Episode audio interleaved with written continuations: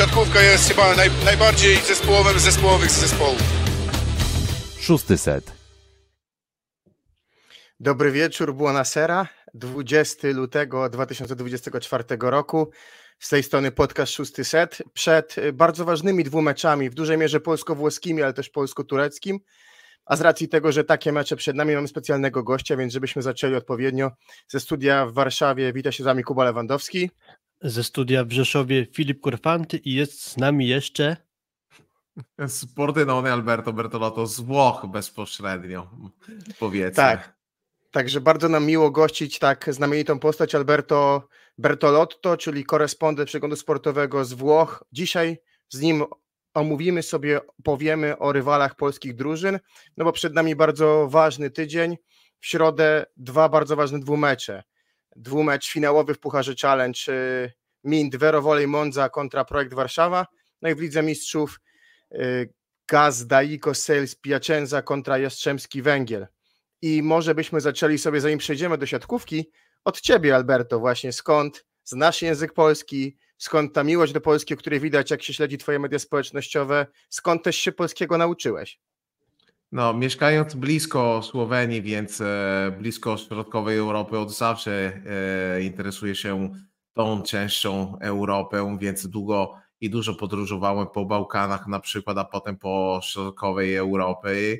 I po prostu zakochałem się w Polsce z racji tego, że Polacy są naprawdę bardzo, bardzo gościnne, interesuje się także historią tego kraju, historią Solidarności i właśnie e, stąd wszystko się zaczęło. Napisałem dwie książki o polskiej piłce nożnej, zacząłem uczyć się e, języka, zostałem korespondentem przeglądu sportowego z powodu tego, że mówię trochę po, po polsku i dalej uczę się polskiego oczywiście, ponieważ język jest E, wiadomo, jest e, bardzo trudne, więc e, trzeba szlifować i także z racji tego ben, jestem, bywam często właśnie w Polsce i szczególnie w Warszawie.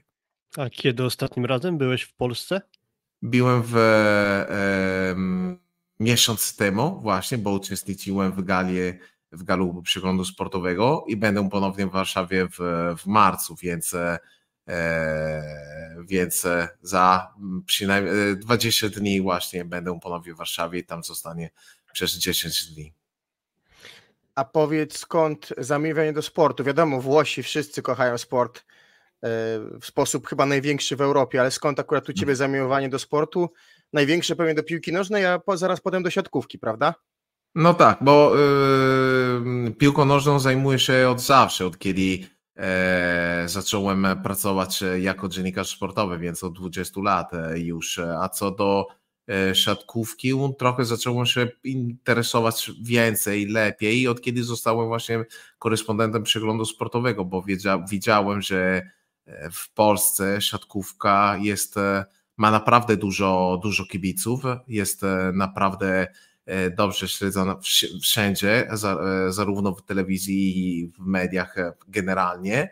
Więc z tego powodu no, Polska i Włochy są potęgami właśnie w Europie, więc z tego powodu zacząłem współpracować z gazetą, żeby przeprowadzić wywiady, coś takiego z Włochami przede wszystkim i, i więc z tego powodu zrobiłem fajne wywiady, nie wiem, na przykład z Samuelem Papim, właśnie o tym myślę, no. I coś takiego. E, de facto no, e, współpraca między Polską a, Wło a Włochami no, e, jest, jest potężna, no właśnie, więc z tego powodu także zacząłem się interesować tym, tym sportem mam okazję po raz pierwszy Ciebie słuchać, bo do tej pory wymienialiśmy wiadomości tekstowe i ja tak pół żartem mówiąc, myślę, że Andrea Anastazji mógłby Ci bardzo pozazdrościć umiejętności władania językiem polskim, bo Andrea Anastazji tyle lat mieszka w Polsce i chyba nadal nie byłby w stanie tak. z nami po polsku porozmawiać. Tak, tak, to prawda. E, z Andreą rozmawiałem długo e, rok temu, e, ponieważ mamy także wspólnych kontaktów, bo w Warszawie one spotykał się przede wszystkim z Włochami i on e, tak e, powiedział mi, wiesz co, że widziałem, że zarówno w Gdańsku i jak w Warszawie można było mówić tylko po angielsku, no, z drużyną tak, także wszędzie, a tutaj spotykam się z Włochami, więc żaluję się tego, że nie uczyłem się polskiego, ale widzę, że radzę sobie z angielskim i oczywiście z tym włoskim językiem. No i dodaję także, że on mieszkał w Warszawie, w Gdańsku, więc e, w tak dużych miastach, które mają mm, e, wiele obcokrajowców, no a nie wiem, w Kędzierzynie Koźle na przykład w Jastrzębie Zdrój byłoby trochę, tak mi się wydaje, mm, e, inne, no po prostu, bo tak nie ma no, włoskiego, włoskiej wspólnoty, no, można tak powiedzieć. Z drugiej strony, wiesz, zawodnicy, którzy trafiają do Serie A, czy do piłkarskiej, czy do siatkarskiej, właściwie z każdego zakątku świata uczą się tego języka włoskiego, tak po roku, po półtorej udzielają wywiadów i to myślę, że też jest kwestia chyba całej kultury, która wokół tego istnieje, że jednak gdzieś postrzegany jest włoski jako język cool, jako język mm. Bardzo, wiadomo, związany z kapitalnymi zabytkami, z świetnym krajem do turystyki, do jedzenia, Myślę, że to jest też kwestia tego, że u nas mało drużyn wymaga w ogóle polskiego jako, jako języka obligatoryjnego, tak? Wiesz pewnie, że Vive Kielce, tak, jako piłka ręczna na tego języka jakby Aha. wymaga w szatni. A. Wtedy zawodnicy tego języka się uczą, w innych klubach tej zasady nie ma i myślę, że dopóki nie będzie, pewnie nie wszyscy będą tak dobrze polskim jak ty władać, no bo to jak posługujesz się polskim jest naprawdę imponujące, mówiąc szczerze, jak to mówicie, no. impresante. No, dziękuję Ci bardzo. I właśnie y, o tym także rozmawiałem przed e, naszym połączeniem, a przede wszystkim w ostatnich dniach z Antoinem e, e, Brizardem. Mieszkał w Warszawie, grał właśnie w projekcie, zaczął uczyć się polskiego, ale potem zrezygnował z tego, ponieważ widział, że nie było dla siebie potrzebne, żeby zagrać właśnie w Polsce więc e, i, i doda, dodał też, że język jest rzeczywiście bardzo, bardzo trudny, więc e, z tego powodu zrezygnował z nauki. No. Ja po prostu uwielbiam polską i uwielbiam przede wszystkim ten język, więc dla mnie to, to inna sprawa. Okay, przechodząc y, myślę, że na grunt już właśnie jednej z postaci, o której mówiłeś, bo pewnie sobie zaraz przejdziemy do wywiadu, który prowadziłeś i który ukaże się nie, nie, w szerszej wersji na przeglądzie sportowym. Mm, chcieliśmy najpierw zapytać może Andrzeja Anastaziego, bo wiadomo, postać, która kojarzy się w Polsce z sukcesami reprezentacji, potem z tym, że Trefl no, wzniósł na bardzo wysoki poziom, potem dobry okres pracy w Warszawie, no ostatni sezon jego był już słabszy, no i trafił do Włoch. Trafił do Włoch, skorzystał z oferty prezesa Sirciego i ta Perugia rok temu nie wyszła. No i co się wydarzyło latem? Że Piacenza pożegnała trenera Bottiego, który jak wiesz w Polsce, w Lublinie jest rewelacją sezonu, a skorzystała z usług Andrzeja Anastazjego właśnie, mimo że Botti rok temu dał Piacenzie Puchar Włoch, Coppa Italia. Tak, tak, właśnie, właśnie o tym rozmawiałem dzisiaj z, z kolegą z Piacency, ponieważ według niego e, Botti był nie do, de, de, facto niedoceniany no, e, w 100% w, w i z tego powodu stawiali na, na, Andrea, na Andrea Anastaziego, który po, po wygaśnięciu kontraktu e, z Perugią był po prostu wolnym trenerem. Według mnie to bardzo dobry ten, można, można powiedzieć, Anastazji zrobił do tej pory e, dobrą pracę właśnie w, w Pieczęcy, chociaż e, ostatnio drużyna trochę przeży, nie, przeżywa niedobre momenty, no i głośno także się mówił e, o tym po, po porażce Starto. Czy Andrzej Anastazji będzie dalej trenerem Pieczęcy? Dzisiaj właśnie e, prezeska e, klubu Kurti e, zaprzeczyła temu, więc Andrzej Anastazji będzie dalej trenerem Pieczęcy, chociaż wszyscy są świadomi tego, że te mecze właśnie z, z Jastrzębskim, pierwszy mecz we Włoszech i drugi mecz właśnie w Polsce na, na Jana Pawła, będą i są uważane za naprawdę wielką szansę dla Pieczęcy, żeby się pozbierać więc e, Andrea, Andrea Anastazji do tej pory jest ok, jest trenerem, jest dobrze, dobrze oceniony, ale w tym momencie trzeba pokazać na boisku, że Pieczęca jest e, silną drużyną, jak e, jak udowodniła, że jest dobrą drużyną w, właśnie w zeszłym roku, no pod koniec, pod koniec e, zeszłego roku. A czytałem przedtem, że Andrea Anastazji po ostatnim meczu Pieczędzy, tym przegranym właśnie z Taranto, e, jakby chował się przed dziennikarzami, nie było żadnego wywiadu z nim zrobionego. Tak. I to chyba pokazuje, że sytuacja jest dość nerwowa w tym klubie. Tak, tak, rzeczywiście tak jest, ponieważ on nie udzielił e, wywiadu z, dziennika, z tamtejszymi dziennikarzami. Nie jest mnóstwo dziennikarzy w, w, w meczach w, lig, ligę, w lidze włoskiej. Przede wszystkim są e, dziennikarze z, z miast, ale tak, sytuacja jest rzeczywiście dość, dość nerwowa i właśnie z racji tego no, mówią, E, się mówi o, o tym, że Andrzej Anastazji będzie albo nie no, e, trenerem Pieczęcy. E, ale myślę, że właśnie w tym momencie Pieczęca ma tę szansę, żeby pokazać się ponownie no, z, dobrej, z dobrej strony i jest to drużyna, która nie, nie potrafiła utrzymać ciągłości właśnie w wynikach, no, ponieważ właśnie w tym roku E, przegrała pięć z ostatnich sześciu meczów, ale ma e, w jej szeregach takich dobrych i doświadczonych także zawodników, żeby właśnie w tych meczach pokazać się e, z dobrej strony. Można, trzeba pokazać się na boisku, no, na parkiecie to, ale na papierze ma wszystko, żeby dobrze się prezentować przeciw Jastrzębskiemu. Powiedz, e, bo znane jest to miasto Piacenza historycznie z dobrej drużyny siatkarskiej, a na pewien czas ona zniknęła z radarów. Dzisiaj w ostatnim czasie no te transfery mocno imponujące, no bo Lucarelli, bo, bo Brizard właśnie, bo chociażby Leal, Real, Simon. Simon, e, skąd e, środki w mieście na, na wydaje się jedną z bardziej kosztownych w, w seria drużyn, E, jakie cele ta drużyna ma przed sobą, w sensie co, co, czy coś się stanie, czy jakby, czy celem było na ten sezon tej drużyny półfinał, finał Ligi Mistrzów? Tak, tak, tak, tak mi powiedział także e, Brizard w tym, e, w, tym wywiadzie właśnie.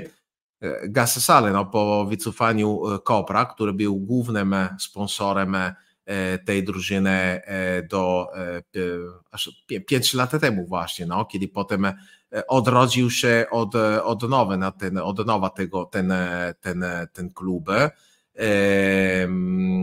Zlatanow po prostu no, od, odbudował tę drużynę 5 lat temu od nowa, od razu e, drużyna awansowała do, do pierwszej ligi i, i od razu E, wywalczyła Puchar Włoch e, Serie A2 no, w, tym, e, w tym przypadku. Gassales jest w tym momencie głównym sponsorem tego, tego klubu, które pokazał, pokazywał w tych latach, że chce inwestować w tę drużynę i w tym, w ten klub.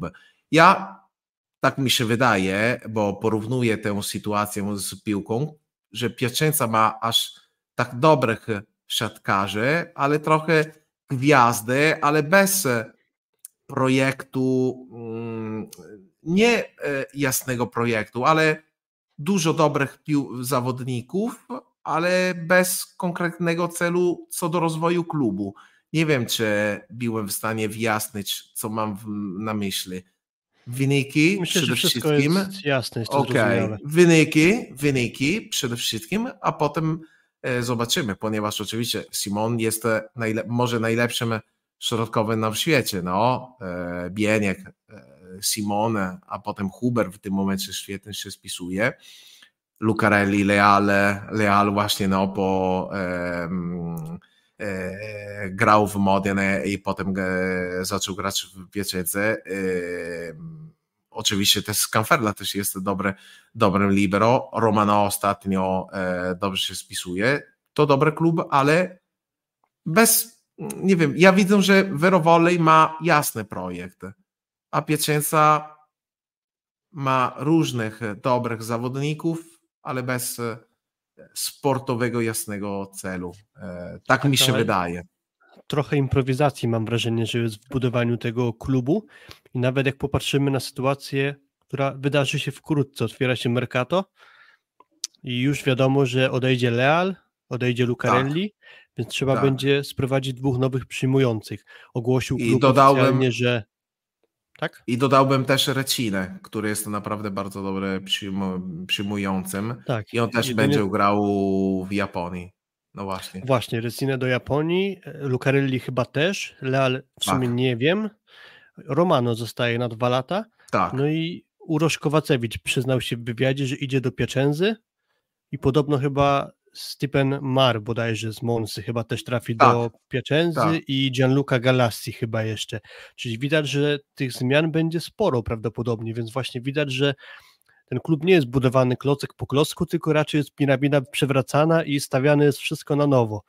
A Tak. Natomiast przedłużył kontrakt dzisiaj chyba Juri Romano, prawda? Tak. I jak jest on postrzegany we Włoszech? No bo wiadomo, ta historia z serii, serie B, seria Due, potem wyciągnięty przez De Giorgiego w finale ze Słowenią. E, Tak. Potem rok później nas pogrążył, a dzisiaj e, czy nie jest tak, że jego poziom obciążenia, czyli tego ile grał właściwie bez zmienników, no bo wiemy, że był kryzys w postaci słabego Pinaliego i właściwie braku alternatywy dla niego odbił się na jego zdrowiu.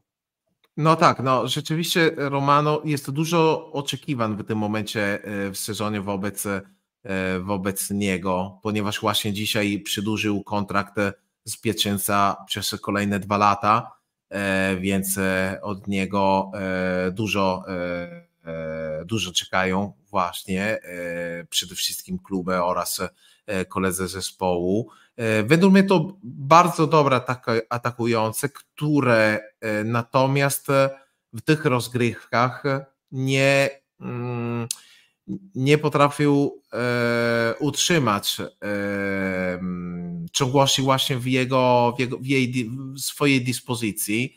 Walczył z niektórymi problemami zdro- zdrowotnymi, ale właśnie w tym momencie w sezonie on ma szansę, za, żeby, żeby po prostu grać na dobrym poziomie i mm, udowodnić, że zasłużył na tę, e, tę przedłużenie e, kontraktu. Według mnie może być naprawdę bardzo, bardzo ważną bronią e, w dwumeczu, w dwumeczach z Jastrzębskim, ponieważ on jest, można tak powiedzieć, jedynym piłkarzem, który jest pewien, żeby, żeby zagrać właśnie także w przyszłości, no, w Pieczęcy, ponieważ już wymieniliście, no, w, e, że w tym zespole, e, w tym zespole będą e, będzie naprawdę dużo, dużo zmian. I podczas rozgrywek, no i to ma wpływ według mnie no, na skupienie e, na kolejnych e, e, meczach, no bo wiadomo, że e, Leal opuści Włochy i też Lucarelli. E, to trochę, to trochę trudno, no, według mnie, żeby panować wszystko, także no, dla trenera panować, opanować się nad, nad tą sytuacją. To, to jak śledzisz polską ligę, wiesz, co się dzieje też w Jastrzębiu, jak ty obstawiasz e, wynik tej rywalizacji?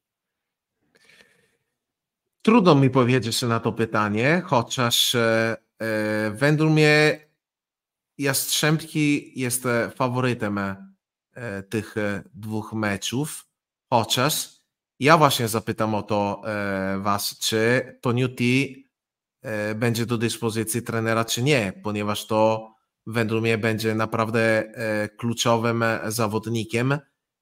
I właśnie Bryzarda no, podkreślił to, ponieważ rozgrywający oczywiście wiadomo, no, że to jest naprawdę bardzo ważnym zawodnikiem w, zespołu, w zespole. Bryzard ostatnio niedobrze się spisuje. E, Toniuti jest bardzo ważnym e, zawodnikiem dla, dla Jastrzębskiego, więc e, gdyby on grał e, i w, i we Włoszech, i w Polsce, e, uważam, że Jastrzębski jest e, e, faworytem tego, tego polsko-włoskiego starcia. Co do Toniutiego, Jastrzębski Węgiel ostatni mecz zagrał z outsiderem mm, plus ligi i dlatego trener Mendes zaczął to spotkanie z składem rezerwowym. A, okay. I dopiero jakby, znaczy z outsiderem, powiedzmy, jedna ze słabszych drużyn, czyli Barką Karzany Lwów był naprzeciw Jastrzębia. Marcelo Mendes zaczął składem rezerwowym, po czym jak wynik zaczął nie być na korzyść Jastrzębia, zaczął wprowadzać rezerwowych. Ale to Nutti się przez cały mecz na boisku nie pojawił i w zasadzie to ja nie mam pewności, jaki był tego powód. Być może po prostu to Nutti odpoczywał, bo też niedawno miał kontuzję, więc klub awaryjnie ściągał okay. innego rozgrywającego jeszcze. Ale ja myślę, że to Nutti raczej będzie mógł zagrać w wyjściowym składzie, więc spodziewam się, że to Nutti będzie. Mm, kurs okay. dla, dla bookmacherzy mówią na razie, że faworytem pierwszego meczu Piacenza nieznacznym ale wydaje mi się, że równiejszą parą paradoksalnie może być ta druga para, czyli właśnie Mindwerowole Monza kontra projekt Warszawa, bo Monza jest chyba projektem modelowym we włoskiej siatkówce, jako klub, który od lat ściąga wielkie talenty, no bo właśnie przez ten klub przechodzili e, Płotnicki, Jaworonok, mm, no też Bartek Kurek oczywiście, ale właśnie Vlad Dawiskiba, e, wydaje się, że jest to klub, który ma kapitalny scouting, prawda? Tak mi się wydaje, tak mi się wydaje, bo właśnie e, ci zawodnicy no, e, pokazywali w, w, ostatnich latach, że mogą potem e, występ, wystąpić no, na wyższym poziomie niż e, Verowole i Monza. Kluczowym według mnie, e, e, kluczowym postacią e, w tym klubie jest trener właśnie e, Kelly, e, które często wędru mnie, ale nie tylko wędru mnie, także wędru, wędru kolegów, którzy są bardziej doświadczeni, doświadczeni niż, niż ja w siatkówce, są trochę bardzo niedoceniane, w sensie, że kiedy pojawiają się zmiania, zmiania w, w ławkach, w ławkach, w ławkach trenerskich, on nie jest no, mało, mało występuje jego, jego nazwa, ale właśnie w Veromondze naprawdę on dobre, e, tak, on robi tak e, dobrą e, robotę, że drużyna właśnie w tym sezonie walczyła przez chwilę o trzecie miejsce w tabeli, a we Włoszech wiadomo, no, Perugia i Trento są po prostu na wyższym poziomie niż, niż inne zespoły, a Verowolej przez chwilę walczyła no, o trzecie, trzecie miejsce, więc e, e, według mnie to naprawdę bardzo dobre kluby, które działa trochę inaczej niż e, drużyna z kobiet, która właśnie inwestuje w... W drużynie kobiet gra Paola Egonu, prawda? Tak, tak, tak, tak, ale także Miriam Sylla, więc to są po prostu zawodni, zawodniczkami e, z naprawdę bardzo wysokim, e, z bardzo, bardzo wysokiego poziomu, więc, e, więc tak, trochę inny sposób do działania, ale bardzo efektowny. I Takahashi właśnie no, prawdopodobnie wróci do Japonii, no więc tutaj po prostu pokazał, że jest e, piłkarzem na światowym, e, zawodnikiem, przepraszam, na światowym poziomie. Piłkarzem może też. Nie wiemy. Jak Czuwasa. W... Dużą niespodziankę sprawili zawodnicy Monzy, bo dochodzi, do, do, doszli do finału Coppa Italia. W półfinale ograli tak. Trentino. Jak oceniana jest drużyna Monzy przez ekspertów we Włoszech? Drużyna, która e, bardzo dobrze, dobrze pracuje na rynku, e, w rynku transferowym, na przykład, jak ty właśnie powiedziałeś, że ma dobry system e, scoutingu, że ma bardzo dobrego, bardzo to, dobrego trenera i która ma też no, ci zawodnicy, którzy mogą no, zmienić drużynę właśnie w, w następnym sezonie, ponieważ Marno prawdopodobnie trafi do Piacenza i też Lupeki no, mogą tra może trafić do, do, do Lube, e, chociaż z tego co wiemy Schwarz e, z jego strony zostanie właśnie w, w, w Włoszech i przede wszystkim w, Moncie. E, nie wiem, czy Monza jest i będzie faworytem no, tego starcia z projektem Warszawie, z projektem Warszawa, ale wiemy na, wiemy na pewno, że klub oczywiście na tym etapie turnieju, jesteśmy w finale, chce po prostu e, sięgnąć po trofeum, bo, ponieważ byłoby po prostu znakiem, że drużyna i klub naprawdę dobrze pracowali, e, pracowały w ostatnich latach. Właśnie wspomniałeś trenera Massimo Ekeliego. To jest fajnie, że sam z siebie o tym powiedziałeś, bo to jest dla mnie bardzo ciekawa historia, bo z tego co mi wiadomo, to jest trener, który dołączył do klubu po tym, jak w trakcie sezonu zwolniony został Fabio Soli, czyli wtedy trener Monzy. I to był sezon 2021. Za niego przyszedł tak trochę znikąd właśnie Massimo Ekeli. I on pisze kapitalną historię, bo zaraz po tym, jak dołączył do klubu, oni po raz pierwszy weszli do czwórki mistrzostw Włoch, zajęli wtedy czwarte miejsce. W kolejnym sezonie wygrali Puchar CEF. W zeszłym sezonie w meczu o piąte miejsce wygrali z Perugią. To raczej była faworyzowana Perugia i dzięki temu Perugia nie gra w europejskich pucharach, a właśnie mamy Monzę. Teraz awans do finału Coppa Italia i awans do finału Pucharu Challenge. To faktycznie był taki trener, który wszedł do klubu znikąd? Według mnie to, to, to on, jak w piłce, on e, w tym przypadku ma, e, klub wspiera e, niego i to widać, no, jak na przykład w piłce często to się zdarza, no, że trenerzy zostaną wielcy także dzięki, dzięki klubowi, no, także dzięki pracy klubu.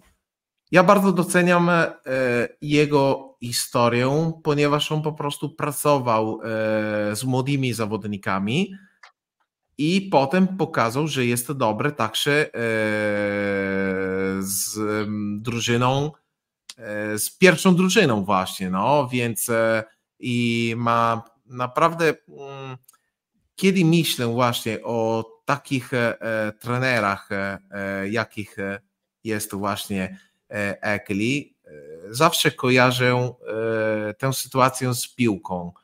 Którzy są ci trenerzy, którzy, nie wiem, e, pracowali w amatorskich ligach, potem czują się tako, taką zaufanie przez klubu na przykład i pokazują, że są zdolni, że są, że są w stanie właśnie pro, prowadzić te, te zespoły. Więc. A czy tym... A czy ty wiesz, czy on był siatkarzem kiedyś, czy on nigdy nie grał zawodowo w siatkówkę, czy nie wiesz o tym? Mm, nie pamiętam, pamiętam, że on zaczął pracować jako trener, kiedy on był bardzo młody i zaczął pracować właśnie z młodymi zawodnikami. Więc e, e, po włosku mówimy no si fatto da solo, w sensie, że wszystko zrobił po swojemu, e, swoimi silami, si, siłami walczył więc bardzo doceniam tę, e, ta, ta, tę historię, bo to po prostu to przykład wytrzymalności też, no, więc, e, więc e, mam nadzieję, trzymam klucz, kluczyk właśnie za niego, ponieważ to, to, to dają, nas, dają nam dużo energii na tę historię, po prostu w moim przypadku. Powiedzcie, czy wiecie coś o, bo wczoraj ukazał się film Filipa, którym analizował historię właśnie Monzy, jeżeli chodzi o, o, o kwestie regulaminowe i to, że przyszedł Nik Mujanowicz e, z klubu, który też grał w tych pucharach i było pismo o wykluczeniu Monzy. Czy wiecie, co się dzieje z Ibrahimem Lawa, Lawanim, który był ściągnięty jako młoda nadzieja, wielki talent, który miał prawdopodobnie nawet wygryźć czwarce ze składu? Czy wiemy coś, co jest oprócz tego, że rozwiązano z nim kontrakt i jest kontuzjowany? E, szczerze mówiąc, o, to, o, to, o, tej sprawie, mm, o tej sprawie nie, nie wiemy, bo trochę mm, napisałem e, właśnie z Filipem o, o tym, o, o poprzednim przypadku, ale co do ostatniego zawodnika, szczególnie w szczegółach nie, nie wiemy. Mhm. A czy Kuba, myślę, odpowiadając na pytanie, z Lawaniem mm, rozwiązano kontrakt, on miał operację barku, więc raczej na długi A. czas wypadł z grania i jakby dlatego jego historia w Monzie się zakończyła i stąd Słoweniec Nik Mujanowicz do pary z Arturem Szwarcem na ataku. Mm. No okej. Okay. Chyba wydaje mi się, bo y, y, mm, Alberto, jakie ty masz przeczucia co do tej pary? No bo, no bo Monza, rewelacja na plus w tym sezonie, świetna praca trenera, bardzo dobry mar, świetny Fernando. e, Fernando Hashi. jakościowym, środkowym. Więc jak ty widzisz tą rywalizację? No bo też drużynę Warszawy znasz, bywasz czasami, więc y, z perspektywy chyba marketingowej bardzo fajne starcie. Tak, zdecydowanie. Ja mam, mam dobrą relację z drugim trenerem em, Zawiercza, który jest e, Włochem i więc z nim czasami... E, Roberto Rotari. Mówimy o Roberto. Dokładnie tak, dokładnie tak. Bardzo, bardzo fajny człowiek, bardzo sympatyczny. I on zawsze mi podkreślał podczas sezonu, że projekt Warszawa e, powiedział mi, Alberto, jest naprawdę grają świetne, to rewelacja e, naszej, naszej ligi. W Wędrumie naprawdę będą się spisywać bardzo dobrze do końca, do końca sezonu. Także zawsze mi podkreślał e, Roberto, więc z tego powodu uważam, że projekt, na, projekt może walczyć o, o tytuł e, z, Mondze, e, z Monzą, ale to według mnie dużo wpływ ma to e, na, na, na, na, te spotkanie, na te spotkania, że drugi mecz odbędzie się we Włoszech. Więc trochę tylko z tego powodu powiedziałbym, że Monza jest faworytem tego starcia, ponieważ mogę, e, może zagrać drugi mecz u siebie. Ostatnio w Lombardii, szczególnie w Mondze, blisko Milano, siatkówka jest naprawdę, naprawdę bardzo e, śledzana no, e, przez kibiców, więc e, publicznościa e, będzie mogła mieć wpływ na, na drugie spotkanie. Oczywiście to zależy od wyniku e, pierwszego spotkania na, na arenie no, na Ursynowie, jeżeli dobrze pamiętam. Nie, nie, na Torwarze, bo udało się Torwar y, zrobić, czyli tą większą halę, ale tak, no faktycznie handicap po stronie, po stronie Monzy, jeżeli chodzi o finał. My przejdziemy do szerokiego omówienia tych spotkań za chwilę, to jeszcze do Alberto, jeżeli mamy Ciebie, to chcielibyśmy podpytać Cię o rynek transferowy właśnie, czyli jak, jak postrzegana jest we Włoszech sytuacja wzmocnienia mocnego rynku japońskiego. Czy czuje się, że to wpłynie znacząco na Serie A? Wiemy, że główne wjazdy włoskie zostają, że z Bertoli że przedłużył kontrakt i Lavia i Micheletto obaj przedłużyli kontrakt Gianelli tak z samo w Perugii. Ale obcokrajowcy przedłużył. Mhm. No tak, no e, oczywiście Japonia to rynek, który ma pieniądze, no więc e, jak e, zobaczyliśmy trochę no, w, piłce, no jak e, w Arabii, to oczywiście to inne poziom e, gry, ale ja uważam, że generalnie przynajmniej co do włoskich e, siatkarzy i co do włoskich także sportowców, my lubimy grać u siebie. My nie lubimy podróżować e, pod względem po to, co dotyczy pracy. Więc e, Gianelli właśnie przedłużył kontrakt e, z, z Perugią i tak dalej, także inne gwiazdy. E, To może mieć wpływ na zawodników zagranicz, za, zagranicznych zawodników, ponieważ ja też widzę Polacy, no, są bardziej przyzwyczajeni do podróżowania właśnie, żeby pracować. Więc ja myślałem właśnie, że Śliwka dołączy do Perugii, ale nie, okazało się, że najprawdopodobniej no, będzie grać e, w Japonii. No więc to może mieć wpływ właśnie na, na, na, na zawodników zagrani, e, zagraniczy, a co do włoskich siatkarzy, oni według mnie zostają, zostaną tutaj, bo tutaj mu naprawdę dobrze, bardzo dobrze się czują, nie tylko pod względem sportowym, ale właśnie pod względem e, pozawojskowym. A jeśli możesz powiedzieć, jakie są perspektywy ekonomiczne w lidze włoskiej? Czy może być tak, że na przykład jakiś nowy klub, który może do tej pory do czołówki nie należy, za chwilę bardzo się wzmocni, albo że w którymś klubie jakieś większe kłopoty się szykują? Ja mam wrażenie, że w Lubę jest trochę tak, że tam postawiono raczej najtańszych zawodników, młodszych, których chce się No. podszkolić i którzy za jakiś czas będą stanowić o tym, żeby Lubę z powrotem zdobywało najwyższe trofea. No tak, no, Perugia, Trento, e, Lube, no, są e, w tym momencie także Per- Perugia, no, są mocniejszymi e, naszymi e, klubami.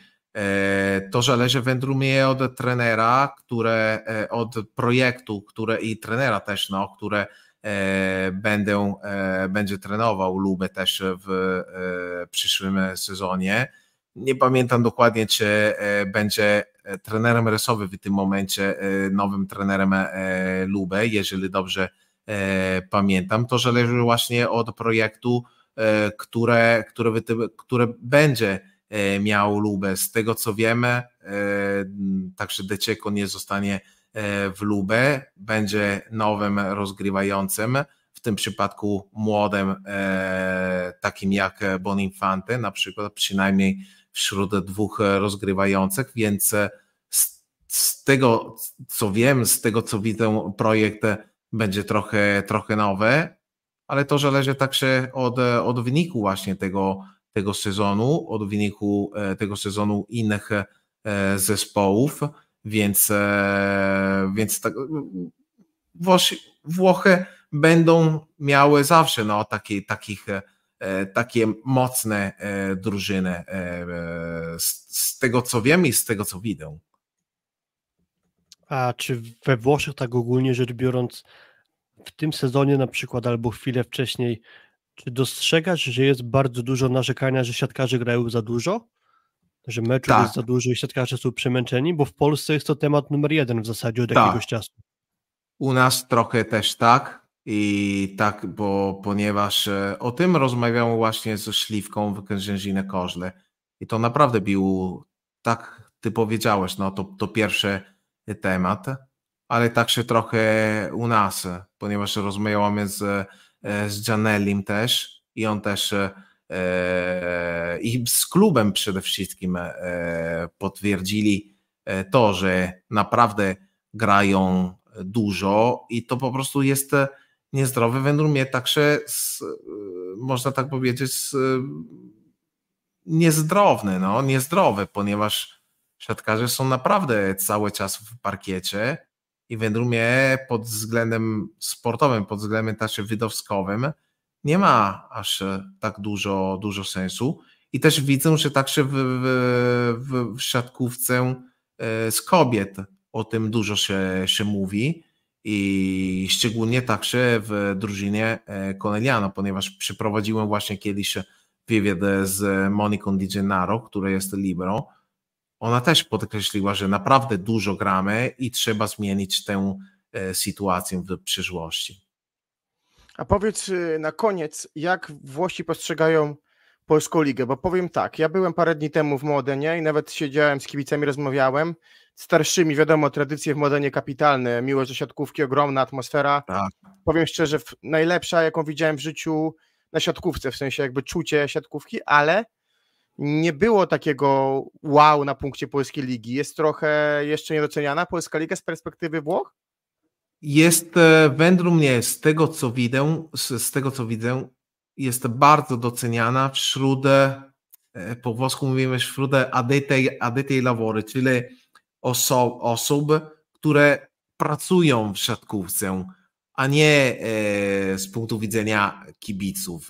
W sensie, że mm, czasami ja mieszkam bardzo blisko e, Prata, która występuje no, w Serie A2 i trenerami są Boninfante właśnie i Papi. I oni podkreślają, że Polska Liga jest super, także rozmawiałem z Gardini, o Polska Liga jest super i tak dalej, ale szczególnie właśnie wśród trenerów, wśród siatkarzy, wśród po prostu osób pracujących no, w siatkówce. A co do kibiców, nie. W sensie, że kibice kibicują e, swoim drużynom, w sensie w Trento kibicują e, Trentowi i tak dalej, a co do innych e, zespołów, w tym, w tym przypadku zagrani, zagranicznych, jak w Polsce, nie za bardzo. Chociaż z, z tego co widzę, pasjonaci znają polskich zawodników, więc Leon, Śliwka, Huber, e, Bieniek i tak dalej, więc e, kwestie związane z reprezentacją e, przede wszystkim, Fornal na przykład, no topowe no, zawodnicy z reprezentacji polskiej, a co do klubów, nie za bardzo. A czy Jasne. myślisz, że któremuś Włochowi Norbert Huber po finale Euro się śnił? Proszę? Nie, pytam o to, czy Norbert Huber jakoś po ostatnim finale Mistrzostw Europy jest wśród Włochów wyjątkowo wspominany, bo Norbert A. wtedy kapitalny mecz zagrał. No tak, jest kibicem Lazio też, no, z tego co wiemy. No, on Jest i on kocha też, wiesz co, on kocha Doblo w ogóle, te słodycze, bardzo, bardzo. Ja w ogóle A. myślałem e, w ogóle, że się decyduje na Trentino. Gdyby on w ogóle grał w Trentino, to chyba już by była najmocniejsza paka klubowa, a Mm. tak został w Polsce. Mm, No, Huber wiem, że, e, że bardzo lubi, bardzo kocha Włochy i on też ma e, kolegów tutaj we Włoszech i też Włoszech też jest e, jeden, e, jednym z nich e, jest e, piłkarski, agent piłkarski, no, e, Gianluca Di Carlo, z tego, z tego co pamiętam, bo on jest też moim, moim, moim kolegą i poje, je, mm, pojedynek właśnie w najbliższym e, e, starciu będzie bardzo ciekawy pomiędzy właśnie Simonem a Huberem, no więc e, to kolejna, kolejna rzecz, ciekawa rzecz co do, co do starcia Jastrzębskiego Pieczęcy.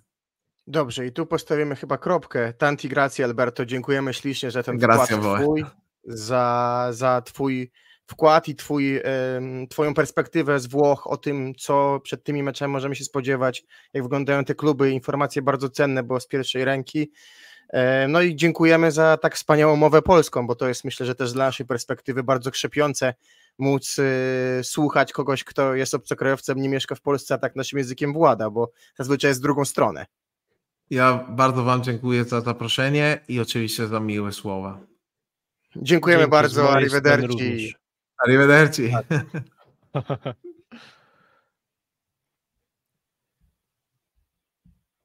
Dobra, y, dziękujemy Alberto.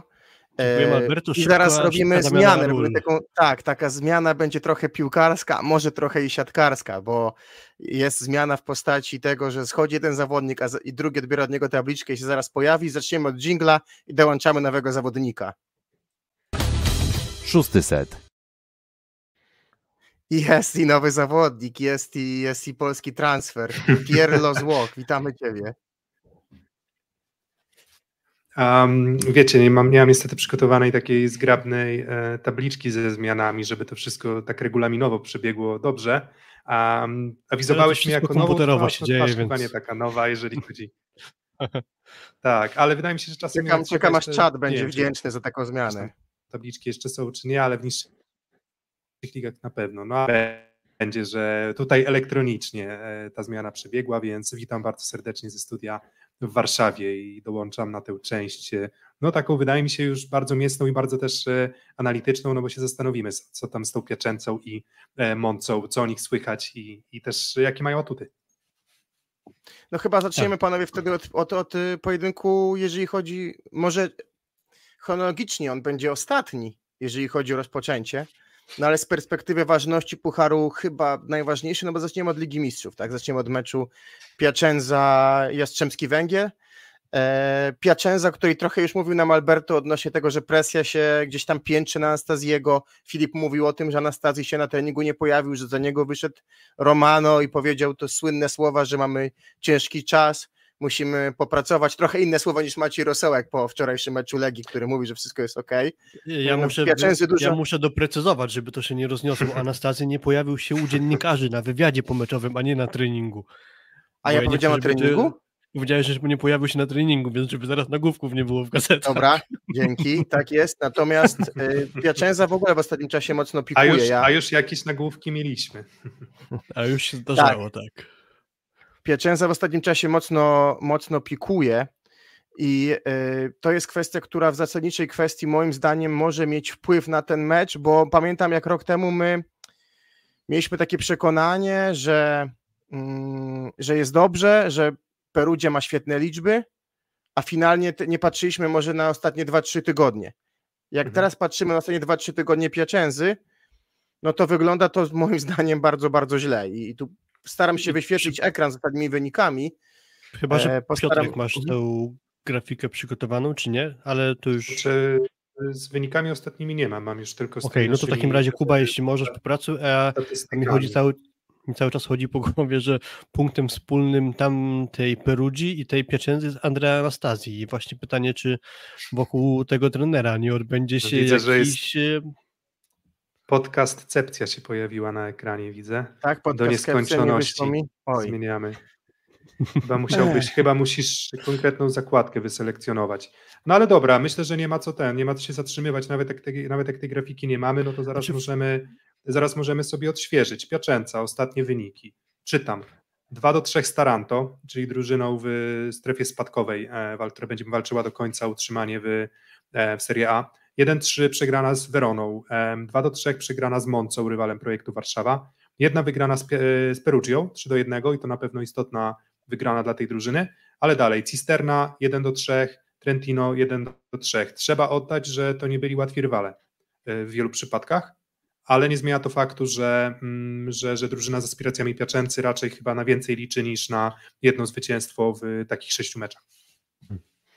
Zdecydowanie tak. Jak właśnie popatrzeć, to te sześć ostatnich spotkań, tylko jedna wygrana dobrze o tym klubie nie świadczy. Ostatnio mm, nie Juri Romano, tak, Juri Romano właśnie powiedział coś w stylu, że no muszą się jakby scalić jako zespół z powrotem, cały czas ciężko pracują, ale y, gdzieś jeszcze coś po strony mentalnej tam nie najlepiej działa. No i jeszcze początek sezonu może takich ciężarów nie mm, zwiastował, a ostatnio to faktycznie wygląda dość nieciekawie, tylko zaskoczyło mnie to wygranie przez Pieczędzę meczu z Perudzią i to może trochę pokrótce świadczyć, a przejdziemy do większych szczegółów, że to jest drużyna, której, w której jak się wylosuje dobry, dobry dzień, to są tak naprawdę w stanie wygrać z każdym, bo tak jak powiedział też Alberto, jest to drużyna naszpikowana gwiazdami, tylko żeby te gwiazdy jeszcze chciały tworzyć dobry gwiazdozbiór i, i to będzie chyba największe wyzwanie teraz, żeby do środy jeszcze tę drużynę zmontować, bo póki co jest chyba w stanie lekkiego, może przesadzone słowa, ale rozkładu.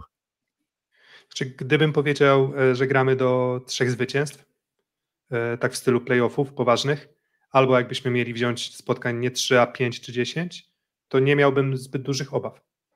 Ale, ale mam obawy właśnie o, mm, o, o, ten, o ten schemat mm, Aluron CMC Warta Zawiercie za Sekorysowią pokazała, że w zasadzie jeden udany mecz, czy też nieudany mecz Zawiercia i udany mecz Rysowi, jeżeli akurat się spotkasz w takim miejscu, to potem nawet ten rewanż przegrany bardzo gładko przez Rysowie, ale jednak wygrany złoty set, jest już takim przykładem tego, co po pierwsze może spotkać nas w playoffach, no i może jeszcze spotkać na dalszym etapie, e, dalszym etapie Ligi Mistrzów. I tutaj właśnie widzę, że nie bez powodu pewnie reality check wywołany na, na ekranie, że oglądał ten mecz z Perugią i po prostu serwy im wchodziły świetnie. No i zawsze mogą. Jeżeli masz Simona, jeżeli masz Romano, jeżeli masz Leala, jeżeli masz Lucarelliego, to masz tam naprawdę zawodników, czy Blizzarda, to masz zawodników, którzy, którzy naprawdę fantastycznie potrafią serwować. No i tutaj się trochę nasuwa taki case właśnie Czyresowi, która też myślę, że to na to zagrywki ma. I to chyba właśnie jakbym szukał podobieństw z polskimi drużynami, to właśnie Resowia i Piaczęca to takie chyba nawet pozycje w tabeli względnie podobne i poziom rozczarowań e, myślę, że też i też nie zagrali w, w Final Four Pucharu Włoch jeżeli dobrze pamiętam, też... Pieczęca. Tak jest. E, I po części też kłopoty zdrowotne są częścią wspólną Łasakorysowi i też Pieczędzy, bo to też w sumie jest trochę paradoks, że teoretycznie wrócili już wszyscy szóstkowi gracze do grania i wtedy zaczęła się ta kwestia przegrywania spotkań, bo przez jakiś czas nie było Leala, który był kontuzjowany, e, przez jakiś czas nie było też Juriego Romano, który ma dość ciężki powrót i tak naprawdę po powrocie zagrał dwa niezłe mecze, a pozostałe słabe. Mówię o ataku, bo w zagrywce akurat spisuje się świetnie, potrafi swoim serwisem przesądzać e, sety i nawet odwracać sety, bo mam w pamięci kilka jego meczów, gdzie Piacenza miała kilka punktów przewagi, chociażby z Halkbankiem Ankara w meczu tym drugim fazy grupowej pomiędzy tymi ekipami, no i w jednym z setów Halkbank miał wysoką przewagę, poszedł Romano na zagrywce i serią dobrych zagrywek losy tego seta odwrócił. Podobnie było też z, Pieczę- z Perudzią, tak kojarzę, że był taki moment, w którym właśnie Romano poszedł na zagrywkę i zrobił serię kilku breaków, y, bardzo przyczyniając się do wygrania tego seta, ale jeżeli mówimy o samym ataku, no to jeszcze Juri Romano ma daleko do swojej najlepszej dyspozycji. Mm, z kolei chyba całkiem ok już wygląda Leal, który aktualnie ma w swoich liczbach już taki dorobek, że jest najlepiej punktującym na ser zawodnikiem Piacenzy i to też chyba główna armata, można tak powiedzieć, drużyna Anastaziego. Z drugiej strony zjechał Lucarelli, mm, który czy myślisz, że to jest dobry... praktycznie cały, cały, całą, całą jesień, Piotrek. A nie, no właśnie zastanawiałem się, czy to nie jest dobry moment na, na pokazanie tej takiej pierwszej grafiki, którą mamy. Do zaprezentowania, czyli, czyli takie podsumowanie statystyczne Piaczęcy, no my sobie nigdy nie odmawiamy tego, żeby, żeby, żeby coś, co trochę uzmysławia jakość drużyny. Mm, I zaraz myślę, że się ta, ta grafika powinna, powinna nam pojawić na ekranie. Dobra, jest. Um, dobra, to tak odczytam ją też dla tych, którzy będą słuchać nas w formie, e, w formie podcastu. Mm, to mamy tutaj atak własny pieczęcy i tutaj mówimy o statystykach zgrupowanych za cały sezon. To, co, o czym mówił Kuba, w poprzednim sezonie skoncentrowaliśmy się mocno na Perugii za cały sezon, czy nawet za, nie wiem, cały 2024 i tam nam wychodziło, że Perugia jest w dobrej formie. Okazuje się, że nie była. A tutaj mówimy o Piaczęcy, która mm, pierwsza część, którą pierwszą, czy pierwsza część sezonu pewnie to, trochę tuszuje, no ale jeżeli chodzi o atak własny, czyli skuteczność, efektywność ataku na tle rywali w Serie A, jest to piąte miejsce. Jeżeli chodzi o z kolei atak rywala, czyli jak skutecznie są rywale przeciwko Pieczęcy, i to może się wydawać trochę, troszeczkę zaskakujące, jeżeli weźmiemy pod uwagę to, że, mm, że nie mówi się o tym, że to jest drużyna fantastycznie zorganizowana w obronie. Ale być może atut zagrywki powoduje, że ci rywale mają faktycznie problem, no i to jest czwarta drużyna, jeżeli chodzi o defensywę, czyli mówimy tutaj o współpracę blok, blok obrona, no i oczywiście wymuszenie mm, dobrą zagrywką też trudności w ataku. Jeżeli chodzi o asy, e, drugie miejsce w lidze, przyjęcie rywali, siódme miejsce, czyli taki środek tabeli, czyli wydaje się na to, że zagrywka agresywna, ale wcale niekoniecznie zagrywka bardzo powtarzalna, bardzo precyzyjna. Może Lucarelli taką charakterystykę ma, ale myślę, że i Blizzard, i, i Simon, i Romano jednak wydaje mi się, że, że starają się po prostu iść, iść pełną parą. Przyjęcie i to na pewno może być pięta Hillesowa Pieczęcy, 46%, Mm, dziewiąte miejsce w lidze na drużyn 12 i błędy przyjęcia również 9,5% i to jest również dziewiąte miejsce, bloki na set 2,14, może trochę na potwierdzenie tego, że, że z tym blokiem to wcale nie jest jakoś wybitnie w Pieczęcy, mimo tego, że jest tam na przykład czy Simon, czy, e, czy Blizzard, więc, więc taka krótka charakterystyka mm, statystyczna Pieczęcy, mm, no ale myślę, że zaraz przejdziemy też do atutów na poszczególnych e, pozycjach.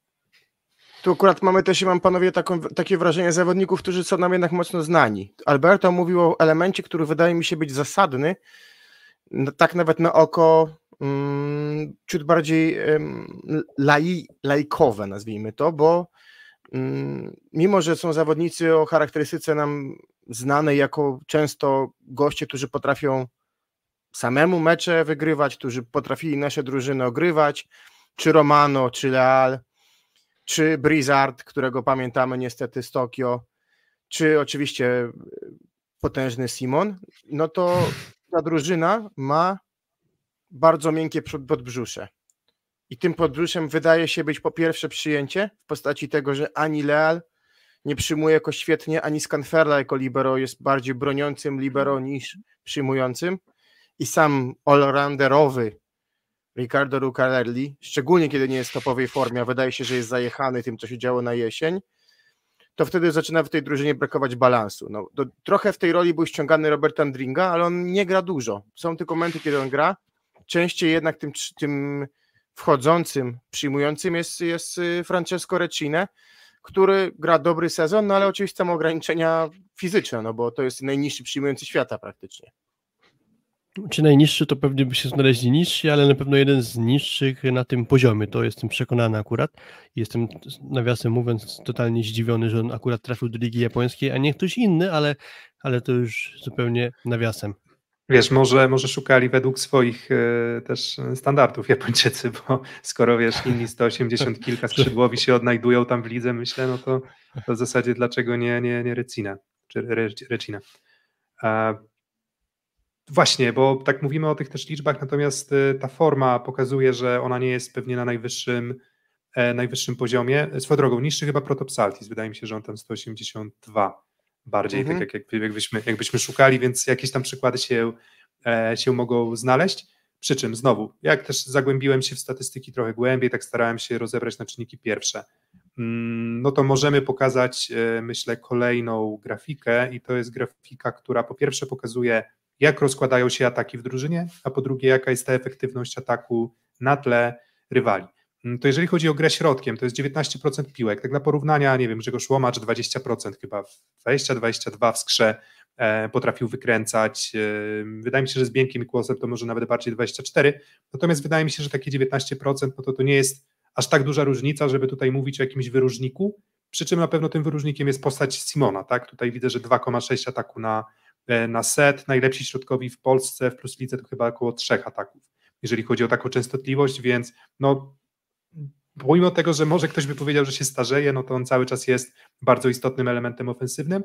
No i widzimy, że ta efektywność ataków środkowych jest na miejscu piątym, raczej jednak pchana przez Simona, bo to Simon atakuje więcej i to Simon atakuje skuteczniej od Eduardo Kaneskiego, który no, wydaje się być raczej słabszym punktem tej drużyny. Czy to jest charakterystyka zbliżona chyba do Miłosza Zniszczała w Polsce Kanestiego właśnie, czyli generalnie mniej rzucający się w oczy środkowy. środkowy. Jakby, jeśli by to przyrównać do zawiercia, to Simon jest bieńkiem, a Kaneshi jest zniszczołem. Można by taką analogię trochę przekazać. Mm, sprawdziłem sobie z ciekawości, bo pewnie będziemy to spotkanie afiszować jako między innymi starcie Hubera z Simonem i Simon w tym sezonie Serie A ma 2,6 punktu na set, a Huber 3,32 punktu na set. No to panie Robert Landy, z czym do ludzi? Dokładnie, skończył się, skończył się już.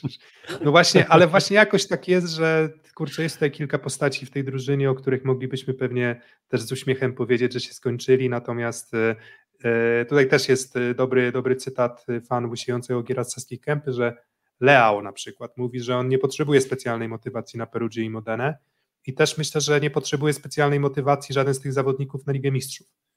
I to też może być paradoksalnie jakiś tam, jakaś trudność dla Jastrzębskiego Węgla, że akurat może to są właśnie bella di notte, tak? Może to są piękności nocy, które bardziej kochają, tak jak Zbigniew Boniek, te mecze wielkie, a może niekoniecznie taką, e, taką ligową nuckę Kuba. Może tak być, zresztą playoff jest pewny, właściwie we Włoszech dwie kolejki do końca, do końca rundy.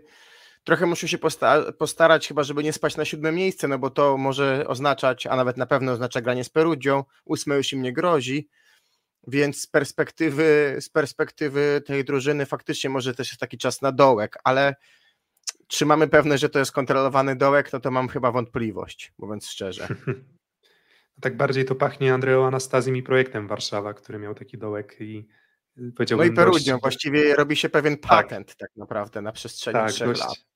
Dość, dość gorsząca, dość gorszące były te, te, te wszystkie zjazdy e, tych drużyn Anastazjego. Można by powiedzieć, że Andrea nie umie w Ligę Mistrzów. E, nie wiem, jak no. w innych pucharach muszą, ale w Lidze Mistrzów kojarzę, że kogo by nie prowadził poza Treflem, który był blisko wyeliminowania Zenitu i wyeliminował Modenę.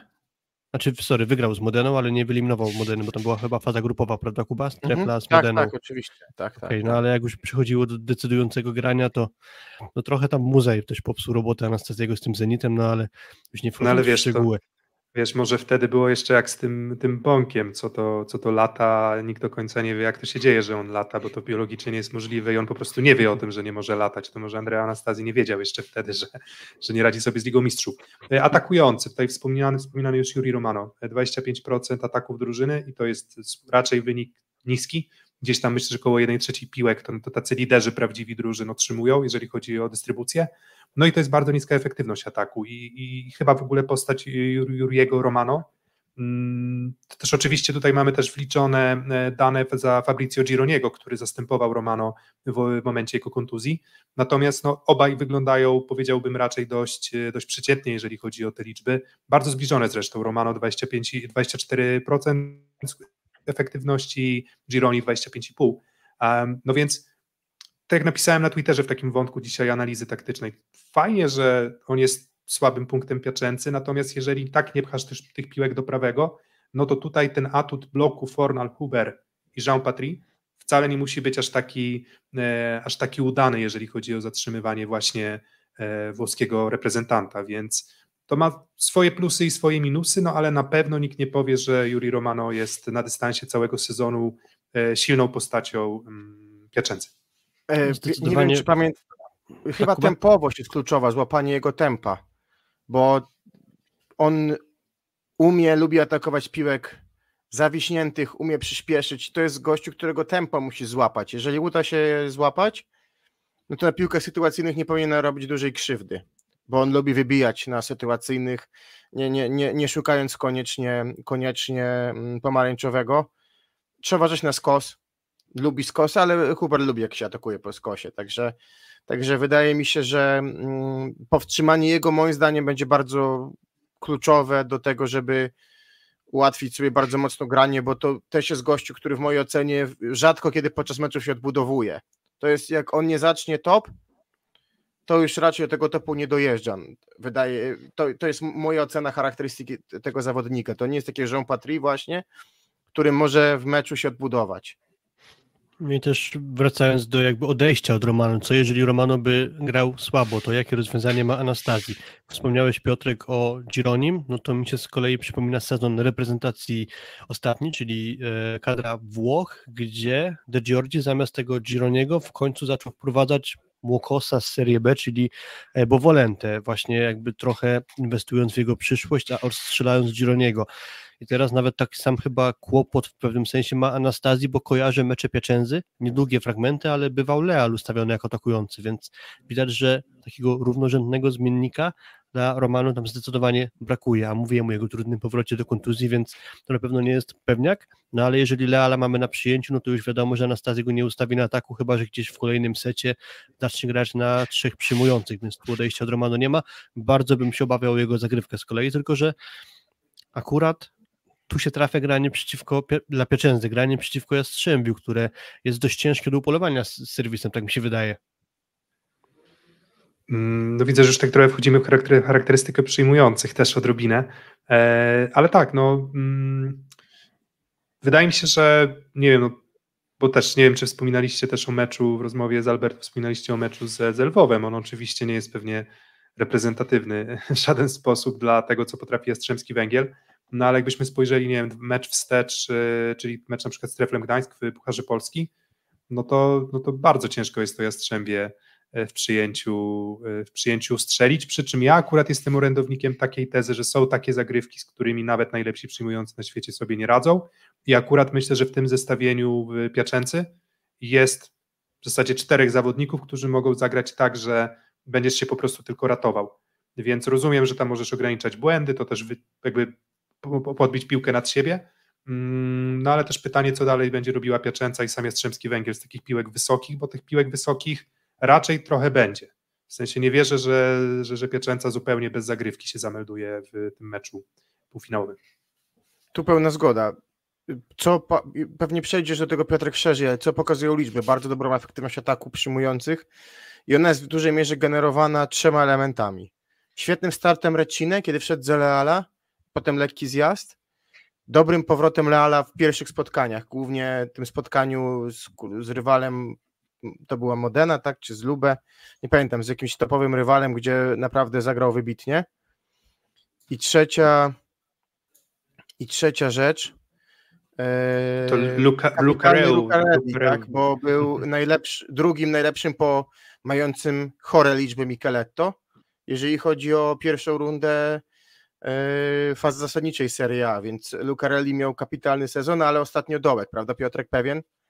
Dołek. E, to znaczy, no oczywiście, no też nie będę ukrywał, w sensie oczywiście możemy pozować na ekspertów, ale to nie jest tak, że ja obejrzałem wszystkie mecze Pieczęcy, więc ja też nie będę się tutaj wypowiadał tak z pozycji arbitralnej. E, co do tego, ale no, liczby raczej jednoznacznie sugerują, że Lucarelli, który faktycznie, jak wspominałeś, grał na tam, nie wiem, efektywności 37% jeszcze w 2023 roku, teraz jechał do 27%. Nie wiem, nie wiem, czy to jest kwestia dyspozycji fizycznej, czy, czy coś po prostu przestało działać w całej drużynie Piaczęcy, zresztą widzieliśmy po, e, po wynikach. E, natomiast no, taki semeniukowy ten Lucarelli się zrobił też trochę, w takim sensie, że w ogóle to jest zawodnik najczęściej zagrywający na set pieczęcy, co jest może trochę zaskakujące, biorąc pod uwagę innych zawodników, ale 4,23 to jest w ogóle drugi wynik najlepszy w lidze właśnie po e, Kamilu Semeniuku. I właśnie mówię, że on tak przypomina tego Semeniuka, bo też to raczej kąty, raczej kierunki, raczej... Zagrywka, e, rolatka różna. Tak, raczej, raczej premedytacja i, i też mm, jakby to jest też pytanie, czy, Piace, czy Piacenza z taką zagrywką, jaką ma, jest w stanie taktycznie eliminować któregoś z zawodników, no bo nie wiem, czy atutem akurat tych graczy poza właśnie Lucarellim jest jakaś wybitna precyzja zagrywki. Więc nie wiem, czy, czy to nie będzie po prostu taka próba e, siłowania się na rękę, tak? I, I, próba przepchnięcia po prostu Jastrzębskiego Węgla kopnięciami z zagrywki, niezależnie w którym kierunku. No jak dobrze wiemy, no w tej siatkówce nowoczesnej jednak to, do, w kogo serwujesz ma, kto wie, czy czasem nie większe nawet znaczenie niż, niż sama siła tej zagrywki. No i Lucarelli to potrafi, no ale w ataku faktycznie duże obciążenie piłkami też, dużo piłek e, sytuacyjnych, szczególnie pewnie w ustawieniach, gdzie Romano jest w drugiej linii, mm, no ale, ale coś, co skutecznością faktycznie, e, faktycznie ostatnio nie działa. Też Lucarelliego kojarzę jako gracza, który ma dość wątłe zdrowie. Może nie jest to tak, że on co chwilę jest kontuzjowany, ale względnie często na różnych etapach jego kariery kojarzę, że kontuzje mu się przydarzały, więc może po prostu to jest kwestia tego, że jest, jak też wielu innych graczy, no zajechany i stąd ta obniżka jego formy. Piotr, jak ktoś... myślisz Brivard, hmm. myślisz Kiwka? A wiesz co, no tak, no jest to nie, akurat jak myślę Blizzard, to myślę silny atak z drugiej piłki. Raczej. W sensie tak mi się wydaje bardziej, że on właśnie nie kiwka, a, a właśnie wydaje mi się, że więcej siły. I, I, mam wrażenie, że trochę tej siły za dużo nawet jest u, u Blizzarda, bo on jest drugim najczęściej kiwającym czy atakującym, rozgrywającym pokim. Właśnie chciałem cię zapytać, bo tego nie sprawdzałem. Kto jest numerem jeden? Bo strzelałbym, że Gianelli. Tak, Gianelli. Zagadka nie, nie była bardzo trudna. Nie była. 3,9 chyba. No więc te 3% ataków, tak powiedzmy dwa ataki na, jeden, dwa ataki na set wykonane przez, yy, przez Blizzarda. E, tyle tylko, że no tutaj jest taki plot twist, że on wcale nie jest w tym skuteczny. Czyli pewnie chce brać grę na siebie, a potem się okazuje, że w sumie efektywność ataku 23% to jest gorzej niż Romano. Czyli w sumie lepiej pewnie byłoby podwiesić świecę komukolwiek w niektórych sytuacjach, niż na siłę się forsować z, czy z blokiem, czy, czy z siatką, bo tam sporo błędów, e, sporo błędów Blizzarda, nawet nie tyle zablokowanych, co, co sporo błędów. No więc trzeba na to uważać bo z tymi, no wiecie, z każdą statystyką czy z każdą liczbą jest tak, że no, no to jakiś atak skończy. Więc jak nagle wyskoczy, jak Filip Skonopi w kluczowym momencie, nie wiem, jakiegoś seta czy seta na końcówki granego, no to to może zaskoczyć. E, natomiast, e, no nie, no jednak nie, nie jest to chyba aż takie zagrożenie, jak, jakbyśmy się spodziewali. No i teraz czekam, że w tych meczach dwóch z Jastrzębskim Węglem pewnie skończy 5 na 5, trochę jak Gianelli w finale Mistrzostw Świata w katowickim spotku, gdzie tam też tymi, tymi atakami to nas po prostu Kto tak ostatnio udręcza. zaszalał w lidze? Chyba Byron Keturakis, prawda? W Norwidzie tak, jakiś tak. spektakularny mecz, jeśli chodzi o zdobycz punktową e, Chociaż zagrał. teraz wyrównał to prawie Tavares. Tavares prawie tak, tak. wyrównał, bo 9 punktów. Mhm. No w takim razie jest pytanie na czacie, czy w bloku Bentonuty na Lucarelliego, czy na Leala. No moim zdaniem tam raczej należałoby się skupić na wyłączaniu Leala, dlatego raczej postarałbym się, aby trafić z ustawieniem z Patrym pod siatką, gdy pod siatką Pia Piacenzy jest Leal właśnie. Ja chyba przyzornie. No i, nie no, myślę, myślę, że, myślę, że tak. E, no i to też pokazuje, że Mówię, jeżeli masz drużyny, które są mocno oparte na dystrybucji do atakującego, to bym powiedział, że Jastrzębski Węgiel jest drużyną, która no takie drużyny katuje, znęca się nad nimi. Bardzo szybko wyłącza atakującego, a potem pozostali zawodnicy to już tam sobie e, jakoś tam próbują ich przytrzymać, albo to czasem to nawet im wystarczy. Trochę jak walka z leworęcznym bokserem. Nie, no tak, tak, dokładnie. My bardzo, bardzo często forsujemy taką tezę o tych mismaczach, tak? Czyli, czyli że jest drużyna, która dobrze wygląda, akurat naprzeciwko drużynie o jakiejś charakterystyce. E, no i pytanie właśnie do Was, czy, czy wy, wy też tak to widzicie, że ok, mówimy o tym mm, prawym, powiedzmy prawo skrzydłowym, tym, że atakujący wyłącza Jastrzębie, no ale Jastrzębie też może być bardzo niewygodnym rywalem dla Piaczęcy. Zresztą dla kogo jest Jastrzębski Węgiel wygodnym rywalem, bo dla Barkomu, znaleźć. Lwów. Tak, dokładnie. W zasadzie, w zasadzie chyba tylko dla, dla Barkomu, bo wszystkie inne drużyny chyba w Europie w szczególności taka, powiedziałbym, dość chaotyczna, jak to, jak, jakie to twitterowe określenie pada, że to jest takie um, Labilne? Szta, nie, szta, sztacheciarstwo. Tak jest. Tak, to chyba Rafał, tak, nie, sztacheciarstwo. Pozdrowi, pozdrawiamy Dobra, okay. Rafała Tomkowiaka, bo on tak chyba właśnie tę tezę uknął.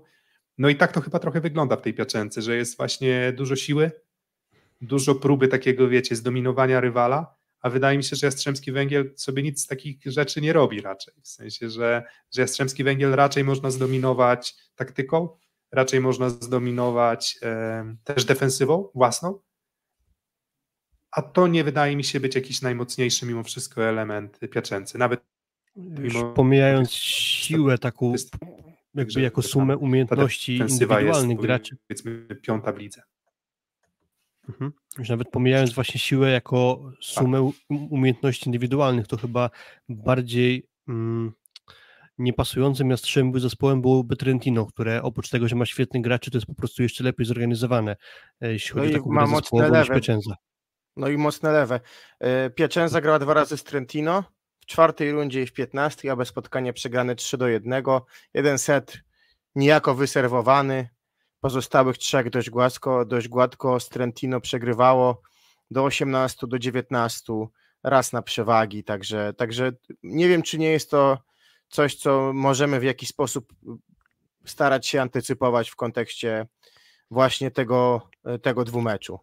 Generalnie jest trochę tak, że jak popatrzymy na wyniki Piacenzy, to oni nie wygrali z nikim mocnym z tej ścisłej czołówki Serie A, poza tym ostatnim meczem z Perugią. Czy to grali z Monzą na przykład, to przegrali te spotkania. Z Trentino przegrywali.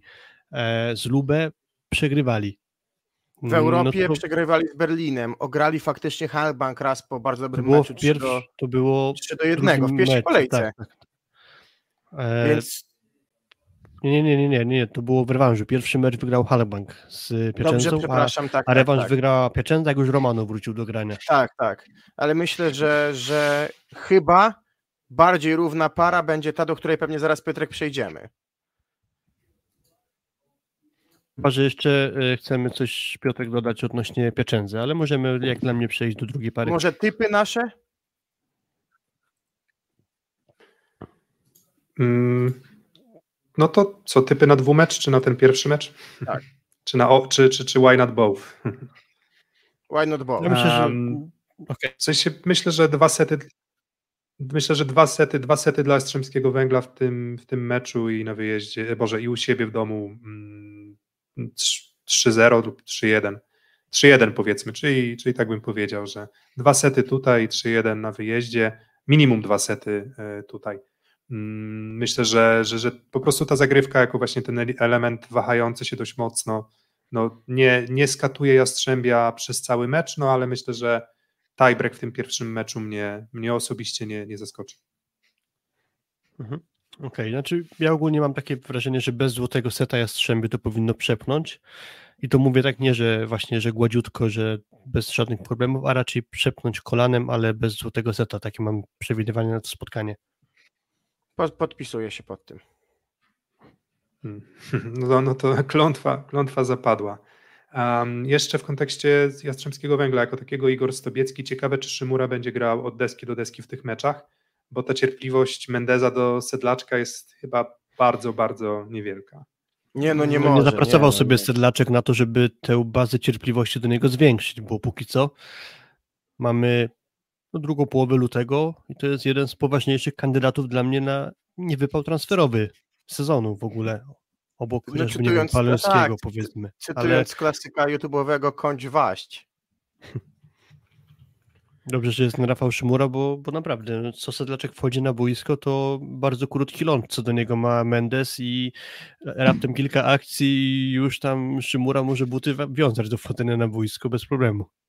Mm, No, zaskakujący to był ruch chyba przed sezonem, biorąc pod uwagę też e, parę Fornal, Clevenot e, i teraz chyba, chyba jest tym bardziej zaskakujące, że, że, że, że on jeszcze jakieś szanse w ogóle od Mendeza dostaje. No ale chyba tyle o tym, e, o tym, o tym dwumeczu. Jastrzębski Węgiel naszym faworytem.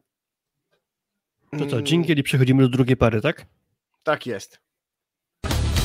Szósty set. No i para, która przed sezonem była do przewidzenia chyba w tym pucharze. Chyba obie strony meczu finałowego liczyły, że tak to się skończy i faktycznie raczej bez większych problemów obie drużyny trafiły do finału.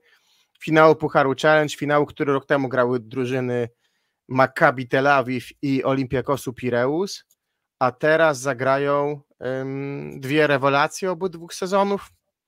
Można chyba tak powiedzieć, czyli projekt Warszawa zagra z Mint Vero Volley Monza i zagrają dwie drużyny chyba do siebie zbliżone stylem gry.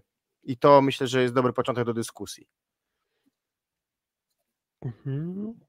Chyba trochę mniej siły fizycznej po stronie Monzy widzę, może jednak bardziej bazowanie na technice niż po stronie projektu, gdzie mamy jednak dość fizycznie grającego Szalpuka i Bołądża, a przynajmniej widzę prawoskrzydłowego Monzy jako gracza bardziej wszechstronnego, bardziej pasującego mi do charakterystyki może Łukasza Kaczmarka niż Georga Grozera chociażby. Zresztą nie jest to nic dziwnego, bo Schwarz też y, mm, bywał graczem na różnych pozycjach, więc może jest po prostu lepiej wyszkolony niż Bołądź.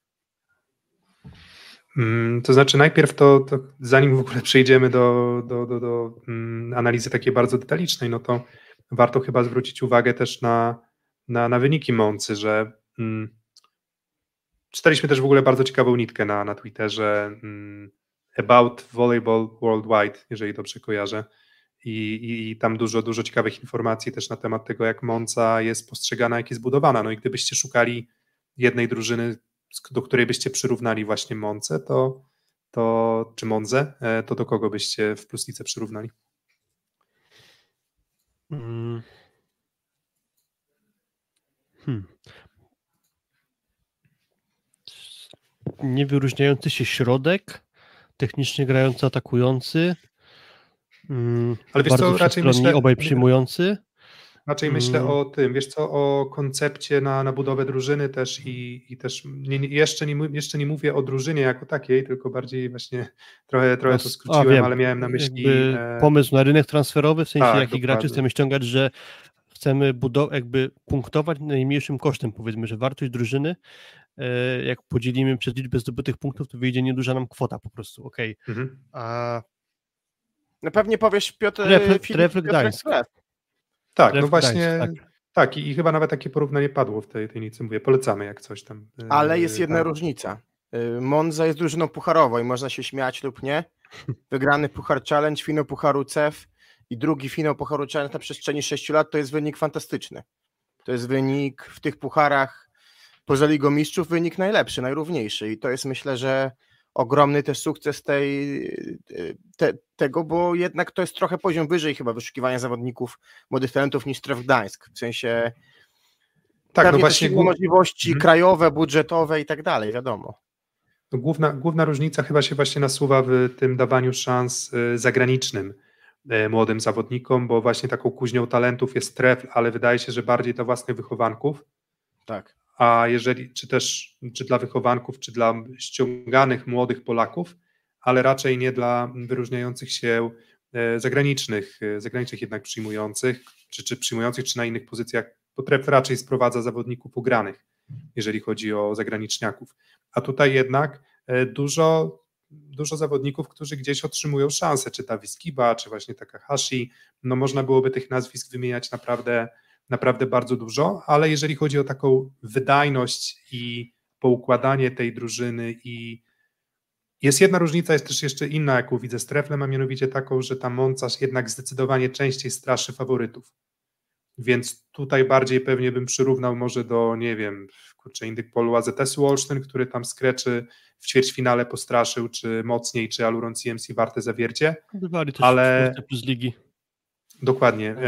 A, a, I tutaj właśnie też widzę jakąś tam pewną, pewną różnicę. No bo co by nie mówić o tej Moncy, no to nawet jak mówimy o młodych graczach, no to finalnie jak sobie myślisz o e, Lepkim, e, Marze, Takahashim, um, Galassim, Fernando Krelingu, to, no to jest tam nazwisk sporo takich, od których można już oczekiwać e, dobrej gry. Oczywiście kreowani w Moncy, ale jednak już zawodnicy, którzy no, są wyróżniający się na arenie międzynarodowej niekiedy. Właśnie jestem zawsze tak, panem no. drużyn, które, Kuba, jeśli, jeśli pozwolisz, e, które są w stanie właśnie wyławiać e, nazwiska nieoczywiste, bo nie jest dla mnie wielką sztuką ściągnąć, nie wiem, Grozera, Kurka i Leona i, i wygrywać i robić dobre wyniki, tylko właśnie bardziej preferuję sięganie po nieoczywiste nazwiska i robienie trochę Moneyball. Nie wiem, czy ktoś, może ktoś oglądał ten film, to zrozumie łatwo o co mi chodzi, a właśnie Monza trochę takim klubem dla mnie jest i powiedziałbym o nich, że to jest klub dla obcokrajowców, w którym zdaje się egzamin na grę w Serie A. Właśnie sięgają, czy to już padały te nazwiska po Dawyskiwę z Białorusi, po Płotnickiego z Charkowa, po Jaworonoka, wtedy jeszcze uznawany za duży talent, który może aż tak się nie rozwinął z ligi czeskiej i Jaworonok też może wielkiej kariery we Włoszech nie zrobił, ale w zeszłym sezonie do Trentu się załapał mimo wszystko, jednak do tej mm, czołówki dosięgnął, więc Monza jest takim właśnie klubem, który wiele szans daje, nieoczywistym graczom i może stanowić trampoliny do tych najmocniejszych. Nie zawsze się to udaje, bo też chociażby przez Monzę przywinął się Denis Kariagin, który trafił do Zaksy i okazał się no, nietrafionym transferem kędzierzynian. Marko, Marko Sedlaczek. Było. Marko Sedlaczek też chociażby był w, w Monzie właśnie i... No do, do, do tego jeszcze panowie budują Włochów jednak, bo co by nie mówić Galassi, czyli podstawowy środkowy tej kadry w ostatnich trzech latach, to jest jednak gracz Monzy, wychowanek praktycznie, tak, więc... A Libero Gagini, który wrócił do Monzy też jeszcze jakiś czas temu był w Monzie, tylko po prostu zmienił kluby tymczasowo.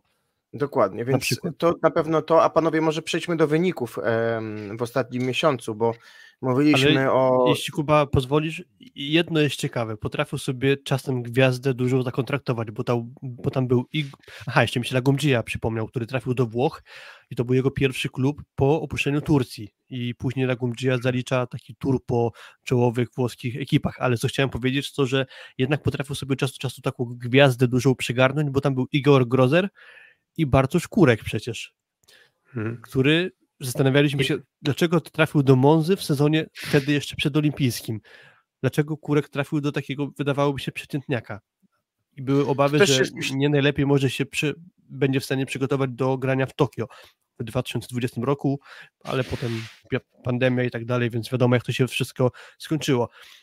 No i Mateusz Poręba jeszcze na koniec jednego z sezonu trafił do Monza, ale to już epizod, powiedzmy, taki Gidaskalia. Ale też mi się taki epizod jego przypomniał. Myślę, że sprzyja też Mozi położenie. To jest przedmieście Mediolanu, obok tor Formuły 1, klub Serie A. Bardzo fajna część bo pomiędzy Mediolanem a Bergamo, więc wydaje mi się, że też to na pewno sprzyja w, w po prostu mieszkaniu i graniu tam, ale i też Wiesz, ja ta, wiesz, Kuba, ja tam się śmieję, że wiesz, yy, pewnie z 10-12 drużyn włoskich to tam sprzyja. Wszystkie mają dość podobne atuty też w tym, tym obszarze akurat. To akurat fakt, ale, ale jeżeli pozwolicie, to przecież miesiąc temu praktycznie rewelacja Pucharu Włoch, ograne Trentino i wydaje mi się, że jak będziemy mówić sobie o meczu z projektem, to chyba na takie wyżyny też musi mąża się wzbić, jeżeli chce ograć Warszawian, bo, bo ten mecz Trentino był w ich wykonaniu świetny fakt, że wydawało się, że Trentino jest bliziutko, bo mieli właściwie 23 do 19 w czwartym secie, potem się pogubił Rychlicki, a właśnie atakujący dobrze gram przeciwko Mązie i do tego pewnie przejdziemy Piotrek i Filip, ale od tego czasu wygrana z Trentino 3-2 w ćwierćfinale, potem porażka faktycznie 3 do 1 z Perugią w finale, ale po dobrym meczu, ograny Galatasaray 3 do 0, porażka chwilę potem z Trentino w lidze, taki srogi rewanż od Trentino, no ale kto z Trentino nie przegrywa w lidze? Wszyscy ograne Galatasaray na wyjeździe w rewanżu i potem 3-2 z Piacenzą, 3-1 z Milano i ostatnio 3-0 z Saturnią, fakt, że to outsider ligi. To wręcz przeciwnie do, do Piacenzy w ostatnim miesiącu 7 wygranych, jedna porażka, gdzie u Piacenzy odwrotnie. No to to świadczy chyba o dobrej dyspozycji drużyny, mimo tego, że dopiero wraca do gry Ranta Takahashi. No właśnie, Rata Hashi w ostatnim meczu ligowym już y, zaczął jednego z setów od początku, kończąc tam to spotkanie, też w bardzo dobrym stylu się zaprezentował, więc e, pewnie jeszcze nie w wyjściowym składzie, ale należałoby się dziś spodziewać, że w pewnym momencie może na boisku się pojawić, a chociażby na zmianę zadaniową, bo to jest gracz jeden z najlepiej serwujących tej ekipy generalnie. Piotrek Witrzony jesteś. O, dzięki za zwrócenie uwagi. Um, no właśnie ta grafika już, już widnieje na ekranie i, i chociażby zaskakujące jest to, że niby niżej w tabeli Monca jednak e, skuteczniejszą drużyną jest jako całość od Piaczęcy już wspominanej. E, jeżeli chodzi o, o defensywę, no to tutaj mm, no wydaje mi się jednak, że mm, nie jest to drużyna, o której bym powiedział, że jest aż tak imponująca warunkami fizycz, fizycznymi. Plastyczna, owszem, dobrze grająca w obronie, dobrze zorganizowana, dobrze przygotowana technicznie, a to, to, to na pewno. Mm, ale wydaje mi się, że trochę takiej brutalnej siły, jeżeli uznajemy za taki wzorzec Sewr tej pracy na bloku właśnie drużyny Jastrzębskiego Węgla, no to czegoś takiego Monca nie ma. No i widać też w blokach na set, że to jest 2 i 2, co jest wynikiem mniej więcej w środku tabeli, piąte miejsce.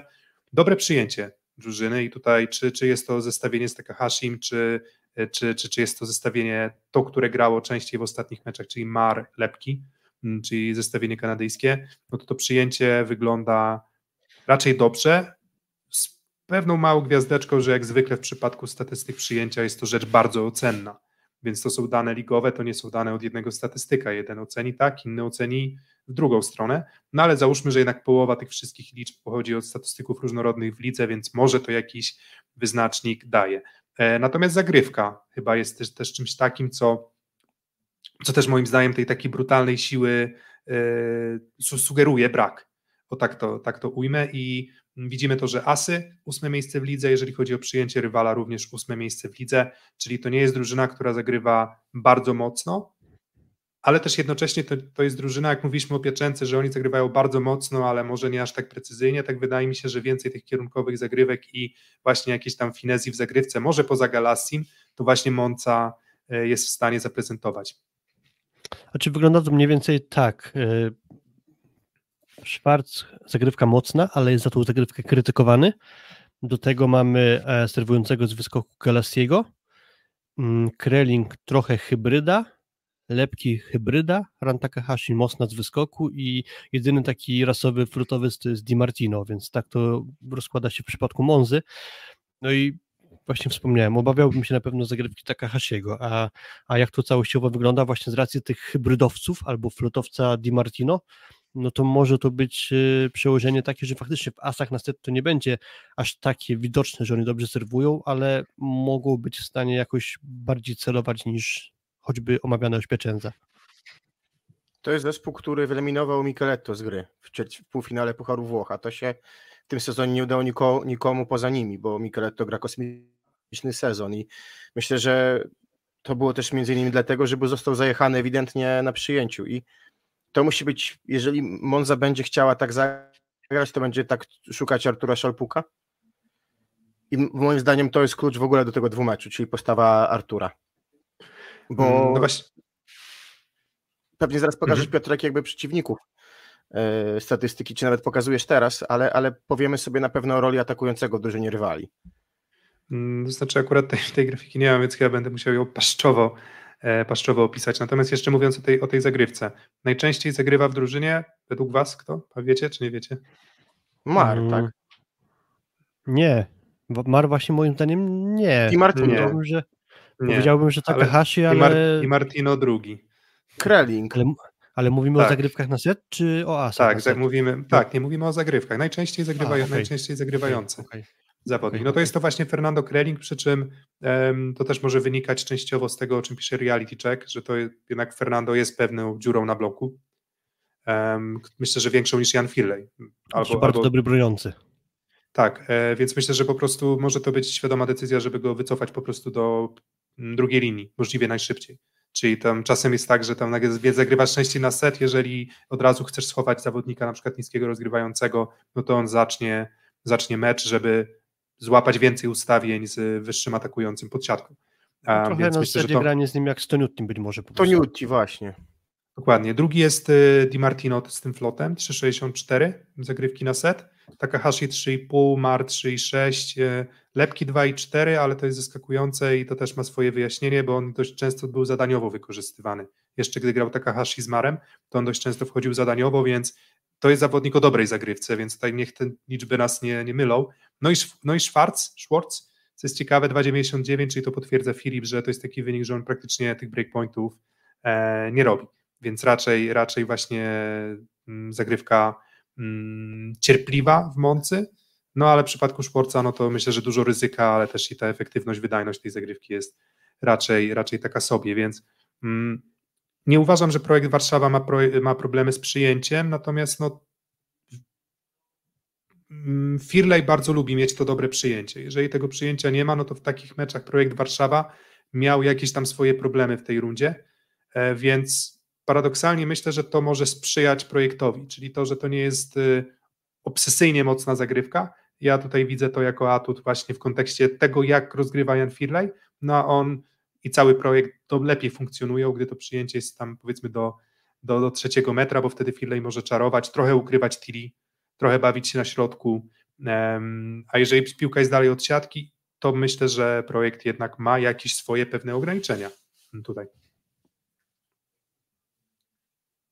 Ale właśnie w podobny sposób stara się też grać Krelling, prawda? Bo to jego charakterystyka jakby miał pokazywać polskiego rozgrywającego w porównaniu jakby zbliżonej charakterystyce do Fernando, no to byłby to absolutnie Jan Firley, więc to, to, to też się jawi jako drużyna cierpliwa Monza na pewno, w kontekście i drużyna, która też dominuje w grze prawym skrzyd lewym skrzydłem.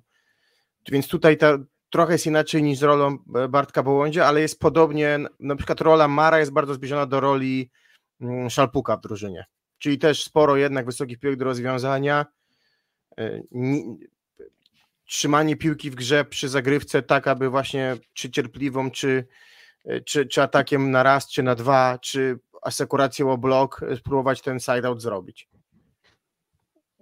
Na pewno, generalnie powiedziałbym, że to jest bardzo duży pierwiastek technicznego wyszkolenia wśród wszystkich graczy, oprócz może Di Martino, który jest dla mnie takim przykładem trochę siermierznego środkowego, a cała reszta to są gracze naprawdę dobrze wyszkoleni i mówiąc w skrócie, nie jest łatwo sprawić, aby im piłka wpadła gdzieś jakimś farfoslem w boisko, bo i odbicie piłki w obronie i dogrania piłki tam to stoi na wysokim poziomie i te akcje są często przedłużane. Mm, jest to też drużyna trochę jak Piacenza, że bardziej lewocentryczna w ataku, czyli właśnie będzie raczej szukanie wystawy na lewe niż granie szwarcem wysokiej piłki. E, Kreling mm. generalnie trochę tak jak, jak, trochę tak jak Jan Firley lubi mieć piłkę przy siatce, dlatego że on bardzo przyspiesza grę. Tam jest bardzo dużo pipa. E, kombinuje ze środkowymi, stąd też potem jest efekt uboczny, że nie najwyższą efektywność ataku uzyskują mhm. środkowi, ale stara się im sporo piłek wrzucać, żeby być może też trochę ułatwić robotę skrzydłowym, czyli żeby blok rywala musiał być czujny.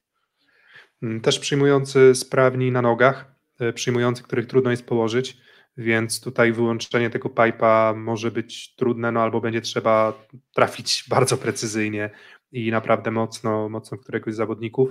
Mm, no, drużyna mówię, to nie jest brutalna siła, ale to będzie bardzo dobrze poukładana siatkówka, no i ja osobiście, no też Kuba będziemy na Torwarze, więc mam nadzieję, że, że zobaczymy naprawdę imponujący mecz, ale, ale raczej nie imponujący mecz w kontekście wbijanych gwoździ, ataków jakichś takich bardzo wysokich, tylko właśnie powtórzenie, nabicie, e, oblok, przepchnięcie, dużo gry, dużo gry technicznej, gdzieś e, próba, mm, próba czarowania i takich szachów też szatkarskich ze strony czy, czy, czy Fernando, czy, czy Firleja. Jeżeli chodzi o same takie rezultaty poszczególne, na poszczególnych pozycjach, mm, no to tak jak Filip mówisz, przyjmujący to jest trzeci najlepszy wynik w lidze. Po Trentino, Piacenza już wspomnianej i i właśnie Monza 36% efektywności przy średniej ligowej 32, um, atakujący 34% przy średniej 30, czyli też ponadprzeciętnie wygląda Schwartz, przy czym tutaj trzeba pamiętać, że on mm, atakuje mniej więcej tak często jak Romano. Czyli wspominaliśmy czyli o nim, że to jest, czyli niedużo.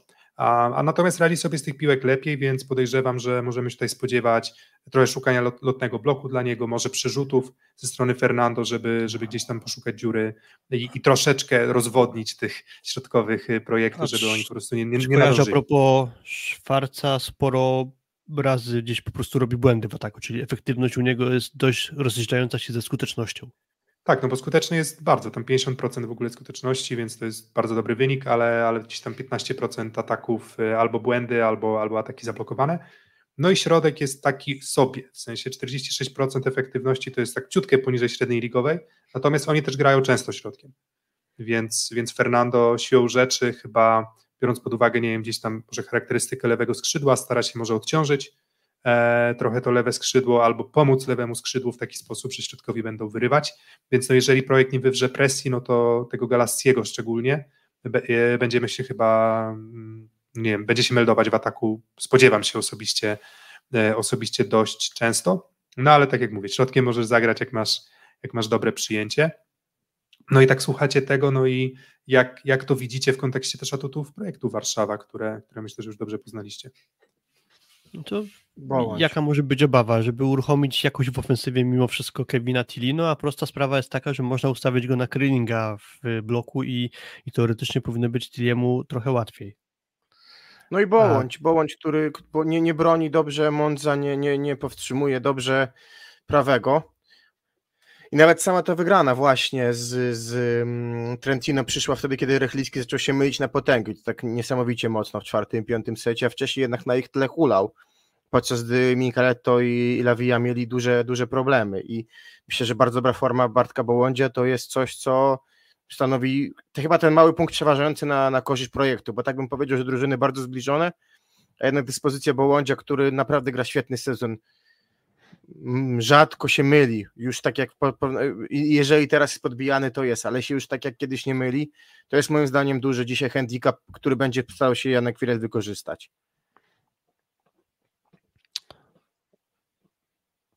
Piotrek, jak ty to widzisz? Bo zamilkłeś na chwilę. Nie no, wiesz co, zamilkłem, bo, bo, bo się zastanawiałem, czy ktoś przejmie posiadanie mikrofonu, ale tak właśnie jeszcze chcę tak udowodnić tę tezę o tych atakujących. No to Bucheger 12 na 24, mm, Dirlicz 11 na 22, 50%, Romano 18 na 34, 53%, Rychlicki 11 na 16, 69%, no Mori Keita 18 na 40, 45% to już może nie aż tak dobrze, no ale nawet Kyle Russell um, 16 na 30, on nie jest najskuteczniejszym zawodnikiem ligi, Saposzkow 19 na 36, to wszystko są wyniki powyżej 50% e, skuteczności. Mm, I to wszystko w przeciągu ostatniego miesiąca, tam do, do, do 14 stycznia spojrzałem. Um, i, no i warto na pewno będzie to wykorzystać, przy czym, no mówię, też mądrość Firleja będzie na pewno w tym, żeby żeby po pierwsze wykorzystywać Fernando, więc tutaj się spodziewam, że, że sporo będzie grania jednak przez, i zresztą pewnie Monca, jeżeli będzie dobrze przygotowana taktycznie, też będzie starała się wykorzystywać Firleja, tylko że myślę jednak, że Firley tu i teraz jest no, lepiej blokującym zawodnikiem od Fernando, jednak tych parę centymetrów też, e, też więcej. No i wydaje mi się, że no, nie wiem, jakbym miał szukać takich atutów projektu, no to właśnie, właśnie taka siła, ta def siła defensywna z tym blokiem punktowym to wydaje mi się być, e, być taki atut e, no, przeważający projektu Warszawa, no bo jeżeli chodzi o wyszkolenie techniczne, myślę, że podobne drużyny, jeżeli chodzi o dość dobre przyjęcie, myślę, że drużyny podobne. Podobny side-out. Podobny, podobny side-out, szybki side-out, wykorzystywanie środkowych, myślę, że też intensywność tego, te, te, tej gry środkiem podobna, sporo pipe'ów, sporo środka, więc no, tak się akurat zmaczowało, że drużyny wydaje się grające dość podobną Myślę, że to będzie po prostu ładniejsza rywalizacja, aniżeli granie w siatkówkę zaproponowane przez Pieczędzy i Jastrzębski Węgiel. Po prostu są drużyny o różnych charakterystykach. Pieczędza bardziej właśnie sztachetowość, powiedzmy, jak to chyba padło przedtem, a właśnie Monza z projektem to są ekipy, które grają w podobny sposób, można powiedzieć. No i wyda- no ale mimo wszystko, gdybym ja miał typować, to, to znowu możemy już chyba do tych typów przejść. Um, uważam, że więcej artylerii ma, e, ma projekt Warszawa. W sensie, że Szalpuk, Bołądź to są postaci, mm, no, wydaje mi się, że jednak mocniejsze od, nie wiem, zestawienia strzelam Lepki i, i, Mar, e, i, i Schwartz na przykład. Mm, no to można by się dyskutować na temat drugiego przyjmującego, bo Kevin Tilly myślę, że pomimo wielu atutów, to, to, to ofensywa nie jest jego bardzo mocną stroną. Mm, jedyne, co mnie trochę niepokoi, to jest rewanż we, we, we Włoszech, Mm, bo, bo, bo w kontekście finału to no jakieś tam, nie wiem, dwa sety, tak jak mówiliśmy o Jastrzębskim Weglu, że ok, no dwa sety wygrywasz w Piaczęcy, Piaczęzie, Piaczęcy um, i będzie już dużo łatwiej, no i tutaj znowu, no jeżeli faktycznie oni te dwa sety wyszarpią, to ten rewanż może być problematyczny ciutkę.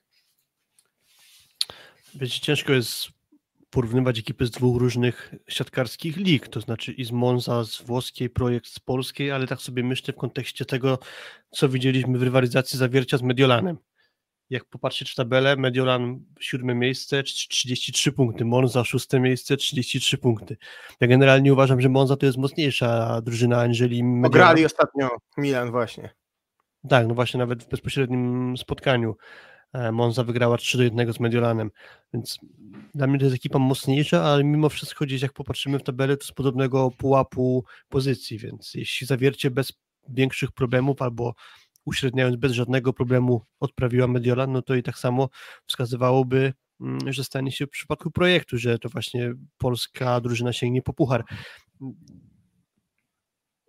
no, dla mnie projekt Warszawa jest faworytem. Jedyne co to właśnie jak lekka obawa o to, że potencjalny rewanż jest, znaczy rewanż na pewno jest, a potencjalny złoty set będzie na terenie rywala, ale tak czy tak dla mnie projekt jest faworytem jakieś 60 do 40. Złoty set będzie. Ja myślę, że bez złotego seta projekt.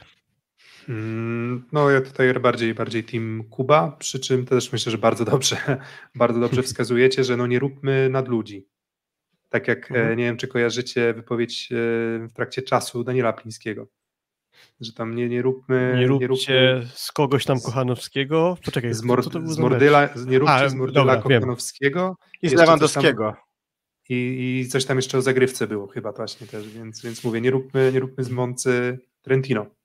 Nie róbmy Nie, z no nie lubimy, ale też nie róbmy z Monzy Leszczy Tak, tak, tak. gwiazd. Ja bym powiedział wręcz, że, że Monza jest bardziej ład... fajniejszą dla oka gra siatkówkę. Jest uporządkowana, takie drużyny szanujemy po prostu, które grają w siatkówkę po nowoczesnemu. Myślę, że to Tak. na przykład taka Monza by pasowała do Plus Ligi sposobem grania. Mm, No i właśnie tutaj mm, nie, nie jakby w przypadku Pieczęcy możemy gdzieś tam mówić, że Jastrzębski Węgiel tą sztuką siatkarską ich ogra, ale tutaj w przypadku projektu to paradoksalnie właśnie nie sztuka siatkarska, może właśnie więcej siły, więcej, więcej wysokości. mm, No i bardzo, bardzo jestem ciekaw tego meczu i mówię, ostrzę sobie zęby, bo, e, bo, bo mówię dawno i też coś, co chciałem powiedzieć na samym początku, jak zaczęliśmy dyskutować na temat na temat w ogóle też tego finału, że bardzo cieszę się i bardzo doceniam projekt Warszawa za to, że się zgłosili do Pucharu Challenge, za to, że podeszli do niego poważnie, mieli łatwą ścieżkę, nie spotkali się z, żadną, z żadnym rywalem z, ze ścisłego topu, no ale takich rywali też trzeba pokonać, trzeba wziąć na klatę podróże, trzeba wziąć na klatę wszystko, no i jednak udział w Pucharze, który finansowo bardzo dużo nie daje, więc mnie cieszy bardzo to, że po prostu zobaczę polską drużynę w finale pucharu mm, innego też niż Liga Mistrzów, no bo do tej Ligi Mistrzów się ostatnio przyzwyczailiśmy, e, a, a jeżeli chodzi o Puchar CEF czy Puchar Challenge, no to jeszcze mamy braki w gablocie. I zaraz powiemy sobie o tym, kto może Puchar CEF dla nas przyprowadzić do, do domu do Polski, do domu właściwie Filipa, do, do Rzeszowa. E, więc pora na dżingiel i, i na koniec rywalizacja nie polsko-włoska, a polsko-turecka. Szósty set. Więc tak, bratobójczy pojedynek zawiercia z Resowią zakończony na, na rzecz Resowi. Dwa zupełnie różne mecze. W pierwszym duża dominacja Resowi, w drugim rozstrzelana Resowie przez zawiercie, ale złoty set pada łupem Rzeszowian. I Filip, y, duża radość nastała w Rzeszowie. Trochę zmącona ostatnimi dwoma spotkaniami, odpadnięciem z Pucharu Polski z y, Lukiem Lublin i porażka w Uranii. Z kim, z kim znowu odle- właśnie, z kim, z kim? Właśnie, z z kim? i tych polema ZSM Olsztyn, ale w końcu Urania odleciała jak za dawnych lat, mam wrażenie, czasami w czasie tego spotkania. Może jeszcze nie, ale to był taki mecz, już który chyba na tą halę, do tej Tak, hali powoli, pasuje po prostu, mówiąc szczerze. E, tak, wydaje mi się, że powoli się u siebie, u siebie czują i kibice i zawodnicy, ale to tak na marginesie, bo nie Olsztyn jest tutaj kluczowym tematem. Nie mamy tutaj szczegółowych liczb przygotowanych, żeby wam to pokazać na grafice, ale to dlatego, że to jest na razie jeszcze półfinał, więc jeśli Rysowie awansuje do finału, to na pewno potencjalnego y, rywala Rzeszowa, czyli to będzie albo Arkas, albo niemiecki Limburg, na pewno rozpracujemy, rozłożymy na czynniki pierwsze, ale postaramy się trochę o Fenerbahce też opowiedzieć, ale najpierw o Resowi, bo też Kuba zaczął od tego, że trochę spokój rzeszowski został zmącony ostatnimi meczami, to na pewno, ja się trochę w pewnym sensie cieszę, że Czebul w wywiadzie ostatnim dla plusliga.pl powiedział, że ten złoty serc z zawierciem był trochę wygrany szczęściem. I to w zasadzie tak wyglądało, bo z przebiegu tego meczu rewanżowego to Rysowia została wdeptana w ziemię, trzeba tak powiedzieć, i nic na starcie złotego serca nie podpowiadałoby, że Rosowia może do tego półfinału się zameldować kosztem zawiercia i to był ostatni taki radosny moment, bo jeszcze o ile ograna została Nysa, no to było składem rezerwowym, więc ciężko cokolwiek do tego przykładać i przypinać Mm, i wydawało się, że wszystko jest na dobrej drodze. Wyeliminowane zawiercie, odpoczywają zawodnicy, po czym przychodzi ta porażka z Lukiem Lublin, gdzie naprawdę Resowia znowu nie wyglądała jako zespół dobrze poukładany i będący w formie. W dużej mierze została jeszcze rozstrzelana w dodatku zagrywką, przesądzało w wyniku seta, chociażby Malinowski swoim serwisem, ale nie, nie tylko on, ale też to, to, co bardzo niepokoi w kontekście tej rywalizacji, że chociażby duże przewagi Resowia jest w stanie dość łatwo tracić, bo nie wszedł dobrze Lublin w tamto spotkanie, a, a był w stanie jednak nawet pierwszego seta już odwrócić i, i, i mimo wszystko to jest niespodzianka, że Lublin zameldo- zameldował się w czwórce Pucharu Polski, a nie Aseko Resowia. I co jeszcze gorsze z perspektywy rzeszowskiej, to nie był wypadek przy pracy, bo za chwilę przyszedł jeszcze mecz na odnowionej Uranii, no i lepszy okazał się Olsztyn. I też Resowia cierpiała chociażby na swoim przyjęciu zagrywki, bo też sporo tam asów y, Olsztyn ustrzelił. I też ważne momenty był w stanie na swoją korzyść odwracać, a właśnie Resowa to wypuszczała. No właśnie, był taki efekt pozytywny Łukasza Kozuba i on chyba się skończył. W sensie trochę wrócił chyba powrót do normy. I ta Resowia Ja się bym- na, e, na Urani z grą męczyła, a spotka się z rywalem, no nie tak słabym jak się wydaje, bo zaraz pewnie do tego przejdziemy, ale Piotrek, jeszcze może twoje spostrzeżenia Mm, i Olsztyna no- z tego spotkania. No właśnie, no właśnie coś, co wydaje mi się, że jest bardziej niepokojące, to jest to, że ja wcale nie miałem poczucia, że to był jakiś wybitny mecz AZS-u. Że, jakby, że, że, nie, jakby, że nie, miałem, nie miałem takiego przekonania, zresztą i z Lukiem Lublin zresztą też miałem bardzo podobne wrażenie. Rzetelne, dobre, z dużą, dużym poziomem energii, z, z dużym poziomem wiary w siebie, możliwość wychodzenia z, z trudnych sytuacji, ale okej, Alan, bu- błędy, w sensie AZS gdyby chciał i gdyby nie popełnił kilku błędów w czwartym secie, to ten set by się mógł nie skończyć do 20, a do 15. I to były błędy własne AZS-u, które jeszcze dały Resowi jakąś tam szansę, żeby ten wynik odrobinkę, e, odrobinkę podciągnąć, no ale Resowia uporczywie nie chciała z tej liny rzuconej skorzystać. I, I to wydaje mi się być problematyczne, bo mówię, ja bardzo się cieszę ze zwycięstwa i były momenty bardzo dobrej gry AZS-u w tym meczu. Zresztą widać, że pierwszy set Resowia w zasadzie nie miała do powiedzenia nic. Czwartym secie, w szczególności z końcówką bardzo dobrą, też, też niewiele. Ale to chyba sam Klement Czebul zdiagnozował w, w, w, w wywiadzie, a może Michał Potera e, po meczu właśnie z AZS-em, że jak nam idzie dobrze, jak jest flow, jak sobie zbudujemy przewagę zagrywką, to jesteśmy w stanie rywala po prostu już docisnąć i wygrać seta bardzo łatwo. Jeżeli ktoś nam odpowie, jeżeli ktoś będzie reagował, jeżeli ktoś nam zaserwuje asy, ktoś wykorzysta tę słabość w przyjęciu, no to nagle nie są w stanie wytrzymywać e, Rzeszowianie e, presji. I z zawierciem też się rozsypało, rozsypali w tych trzech setach.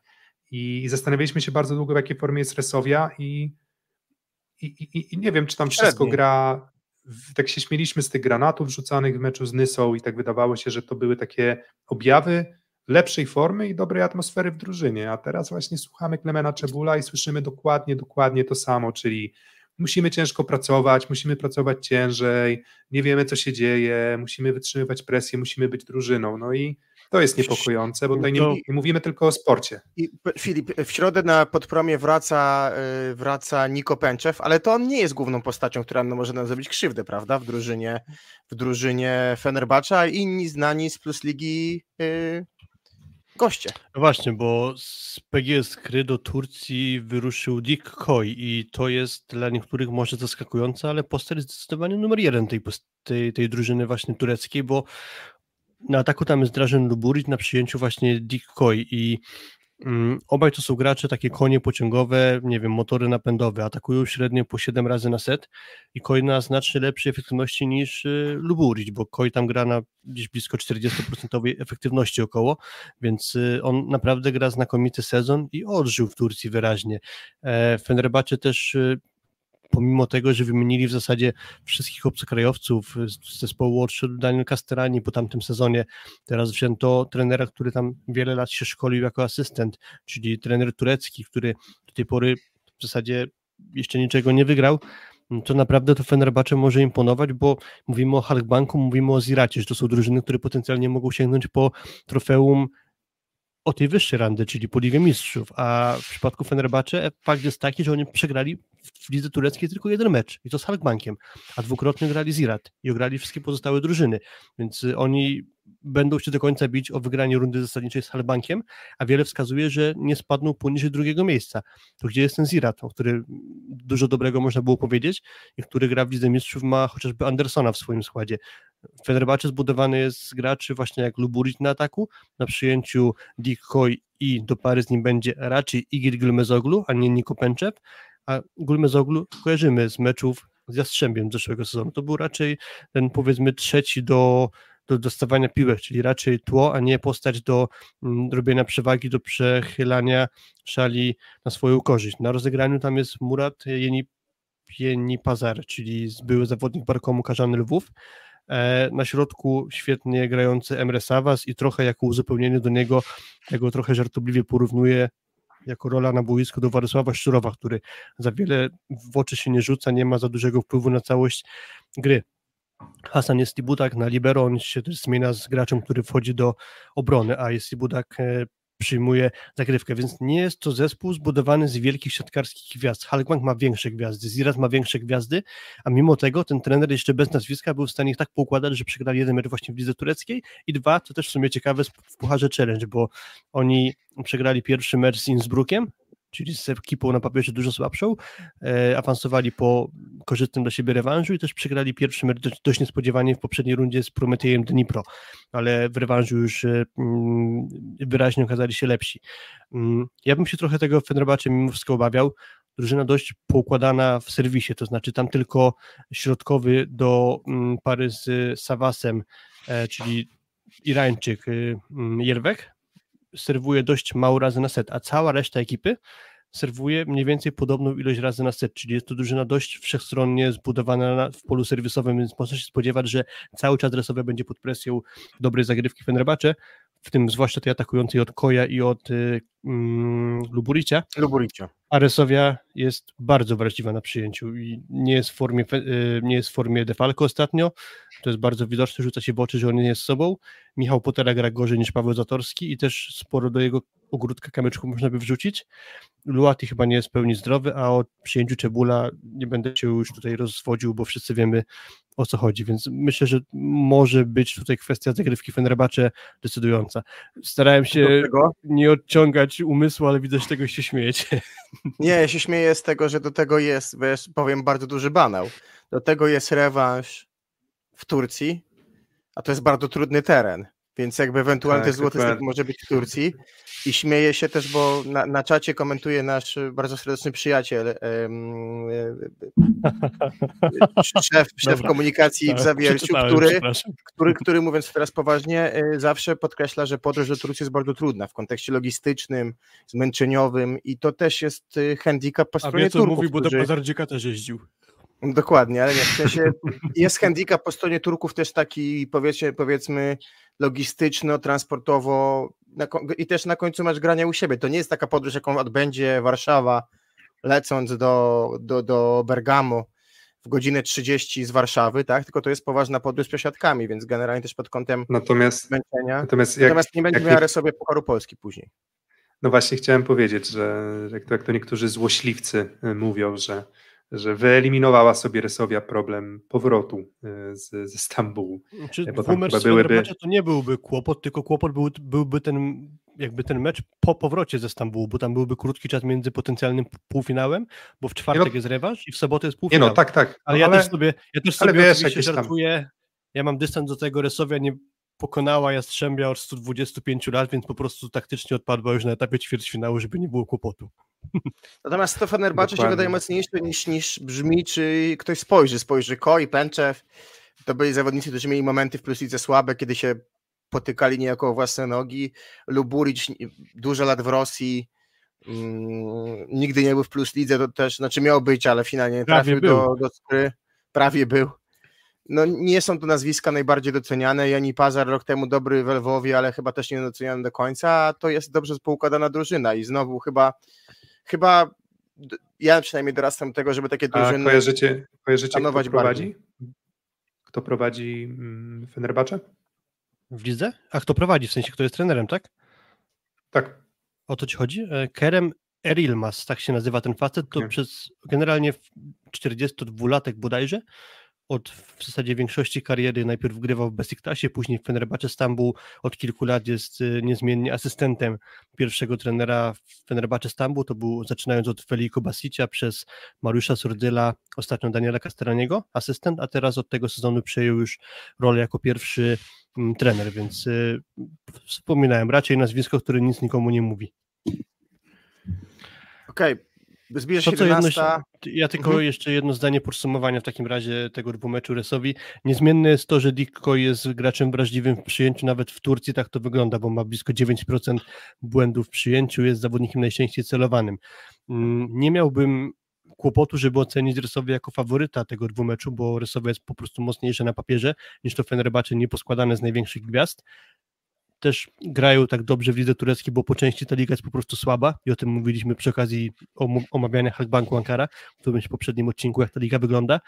Mam po prostu obawy, że Resowia jest w zbyt słabej formie, żeby tej średniej ekipie po prostu się postawić i tutaj mam najwięcej wątpliwości co do tego, która drużyna, czy, czy polska drużyna awansuje, czy to będzie wcześniej mówiliśmy o projekcie, że jest faworytem, że Jastrzębie, że jest faworytem, tutaj powiedziałbym 50 na 50, z racji tego, że Resowia chyba odstaje trochę formą od swojej najlepszej. A może siatkarscy hmm. bogowie chcą, żeby Grozę wrócił na podpromie z Arkasem Izmir. A to znaczy ja, ja nie jestem aż takim e, pesymistą, mm, że mi jakby rozumiem problemy Resowi, rozumiem słaby mecz z Lukiem, słaby mecz z AZS-em, e, słaby mecz z Zawierciem, ale no mimo wszystko, no nie wiem, no jakoś ciężko jest mi uwierzyć, że, że, że w tej Resowi nie ma pokładów mm, jakości, która właśnie w starciu pucharowym, nie wiem czy pamiętacie PGS Krebełchatów w poprzednim sezonie, no to też tak było, że w lidze mm, raczej słabiej niż lepiej, ale jeżeli chodzi o starcia pucharowe, no to wyglądało to dobrze i myślę, że tutaj motywacji nie zabraknie, no bo to już jest naprawdę bardzo blisko zrobienia czegoś dużego um, a czyli awansu do finału. I rywal, no moim zdaniem w zasięgu Resowi. No ja mimo wszystko uważam, że Resowia jest faworytem, mimo wszystko jakby miał postawić, no to znowu postawiłbym i postawię na, na zwycięstwo mm, Resowi, bo mówię, no mimo wszystko mam poczucie, że drużyna z Pęczewem, Kojem, no, no nie, no, no jakby rozumiem, że to Liga Turecka i rozumiem, że dobrze sobie radzą, ale mimo wszystko mam, mam takie poczucie, że, że jest dużo jakości Błaje, mimo wszystko on, on tę drużynę trzyma w ryzach no wystarczy, że jeden z, z przyjmujących troszeczkę się obudzi i, i myślę, że, że, że Resowia może mieć dobrą Bardzo zaliczkę u siebie. na grze rozgrywającego i, i, to może być sprawa numer jeden, bo, bo już nawet chyba widać, że ostatnio trochę nawet trenerowi być może trochę kończy się cierpliwość do Łukasza Kozuba, bo już w drugim secie na boisku z Lublinem pojawiał się Drzyzga, w Olsztynie od drugiego seta też był Drzyzga. Ja też na początku mówiłem, jak Łukasz trafił do Resowi, no to że jednak podejrzewam, że Fabian prędzej czy później wróci jako jedynka i, i chyba właśnie cierpliwość powoli do Łukasza się kończy, bo ja też nie chcę, żeby to było odebrane jako jakiś atak, ale generalnie dzielę mecze Kuzuba na dwie kategorie. Pierwsza to jest taka, że nie przeszkadza zespołowi, ale też niewiele kreuje, a druga jest taka, że po prostu przeszkadza. Taki był mecz z Jastrzębiem, taki był mecz z Lublinem właśnie początek, taki był mecz z Olsztynem początek, więc y, no chyba musi Fabian jednak po prostu dowieść to, co potrafi, bo, bo z Łukaszem Kuzubem na dłuższą metę tego nie widzę. Zanim Filip wytypujesz dwumecz, prawie ja już powiedziałem, was, 50 na 50. Czekaj, Dla prawie setka was, my dwie godziny, jest prawie 11. Wykorzystaliśmy dzień bez meczu plus ligowych, a wiecie jak to, to jest, znaczy dzień bez meczu, czas bez meczu plus ligowego, żebyśmy też wam to dali na świeżo. Prośba łapki w górę, żeby to się poniosło, mamy dwa dni do meczu. Wydaje nam się, że ta analiza była zrobiona bardzo rzetelnie szczególnie, szczególnie tych spotkań polsko-włoskich i, i, i wiemy, że takie materiały lubicie, więc prośba serdeczna łapkę w górę. Jeżeli chodzi o podsumowanie, Piotrek nie wraża sobie nie przejścia Resowi, Filip mówi 50-50. Ja bym chciał go zaraz zobaczyć na podpromiu, e, jako taki, taki klamra, klamra pewnych wydarzeń. Ja bardzo kocham w sporcie klamry, a to by była bardzo fajna klamra, więc chciałbym, żeby Resowia przeszła, żeby drugi finał, żeby inny korespondent szóstego seta mógł też nam zobrazować, uplastycznić drugi finał rozgrywek, e, które będą w Polsce i na to po prostu też pod kątem, że tak powiem, trochę prywatnym liczę. To co, myślę, że wiemy o tym, że nie było dzisiaj dużo o Plus Lidze, no ale wiecie, jaki to był mięsny odcinek. Zaczęliśmy z zawodnikiem z Włoch, cytując klasyka, dawaj Włocha, jak to, jak to mawiał kiedyś, zmienił go Polak, więc to było raczej, że dawaj tak, z Włocha za Włocha, a nie Brodzia za Włocha. Dokładnie. Dokładnie. Nasłuchałem się już w swoim życiu, wiecie, o Piotrze z Włochu, więc, więc można powiedzieć, że przynajmniej to się, to się zgodziło. Dokładnie Piotr tak. z Włoch, a ja Filip z Konopi, nawet dzisiaj padło w odcinku, więc jakby wiem, wiemy z czym tak to się jest. wszystko je. Tym humorystycznym akcentem dziękujemy bardzo, życzymy bardzo udanej środy. Środy 17.30 projekt e, Monza, 18.30 Resowia Fenerbahce, 20.30 Piacenza Jastrzębie. Dzięki za I teraz jeszcze, tak, jeszcze plansza z naszymi patronami i dziękujemy. Dziękuję. Dzięki.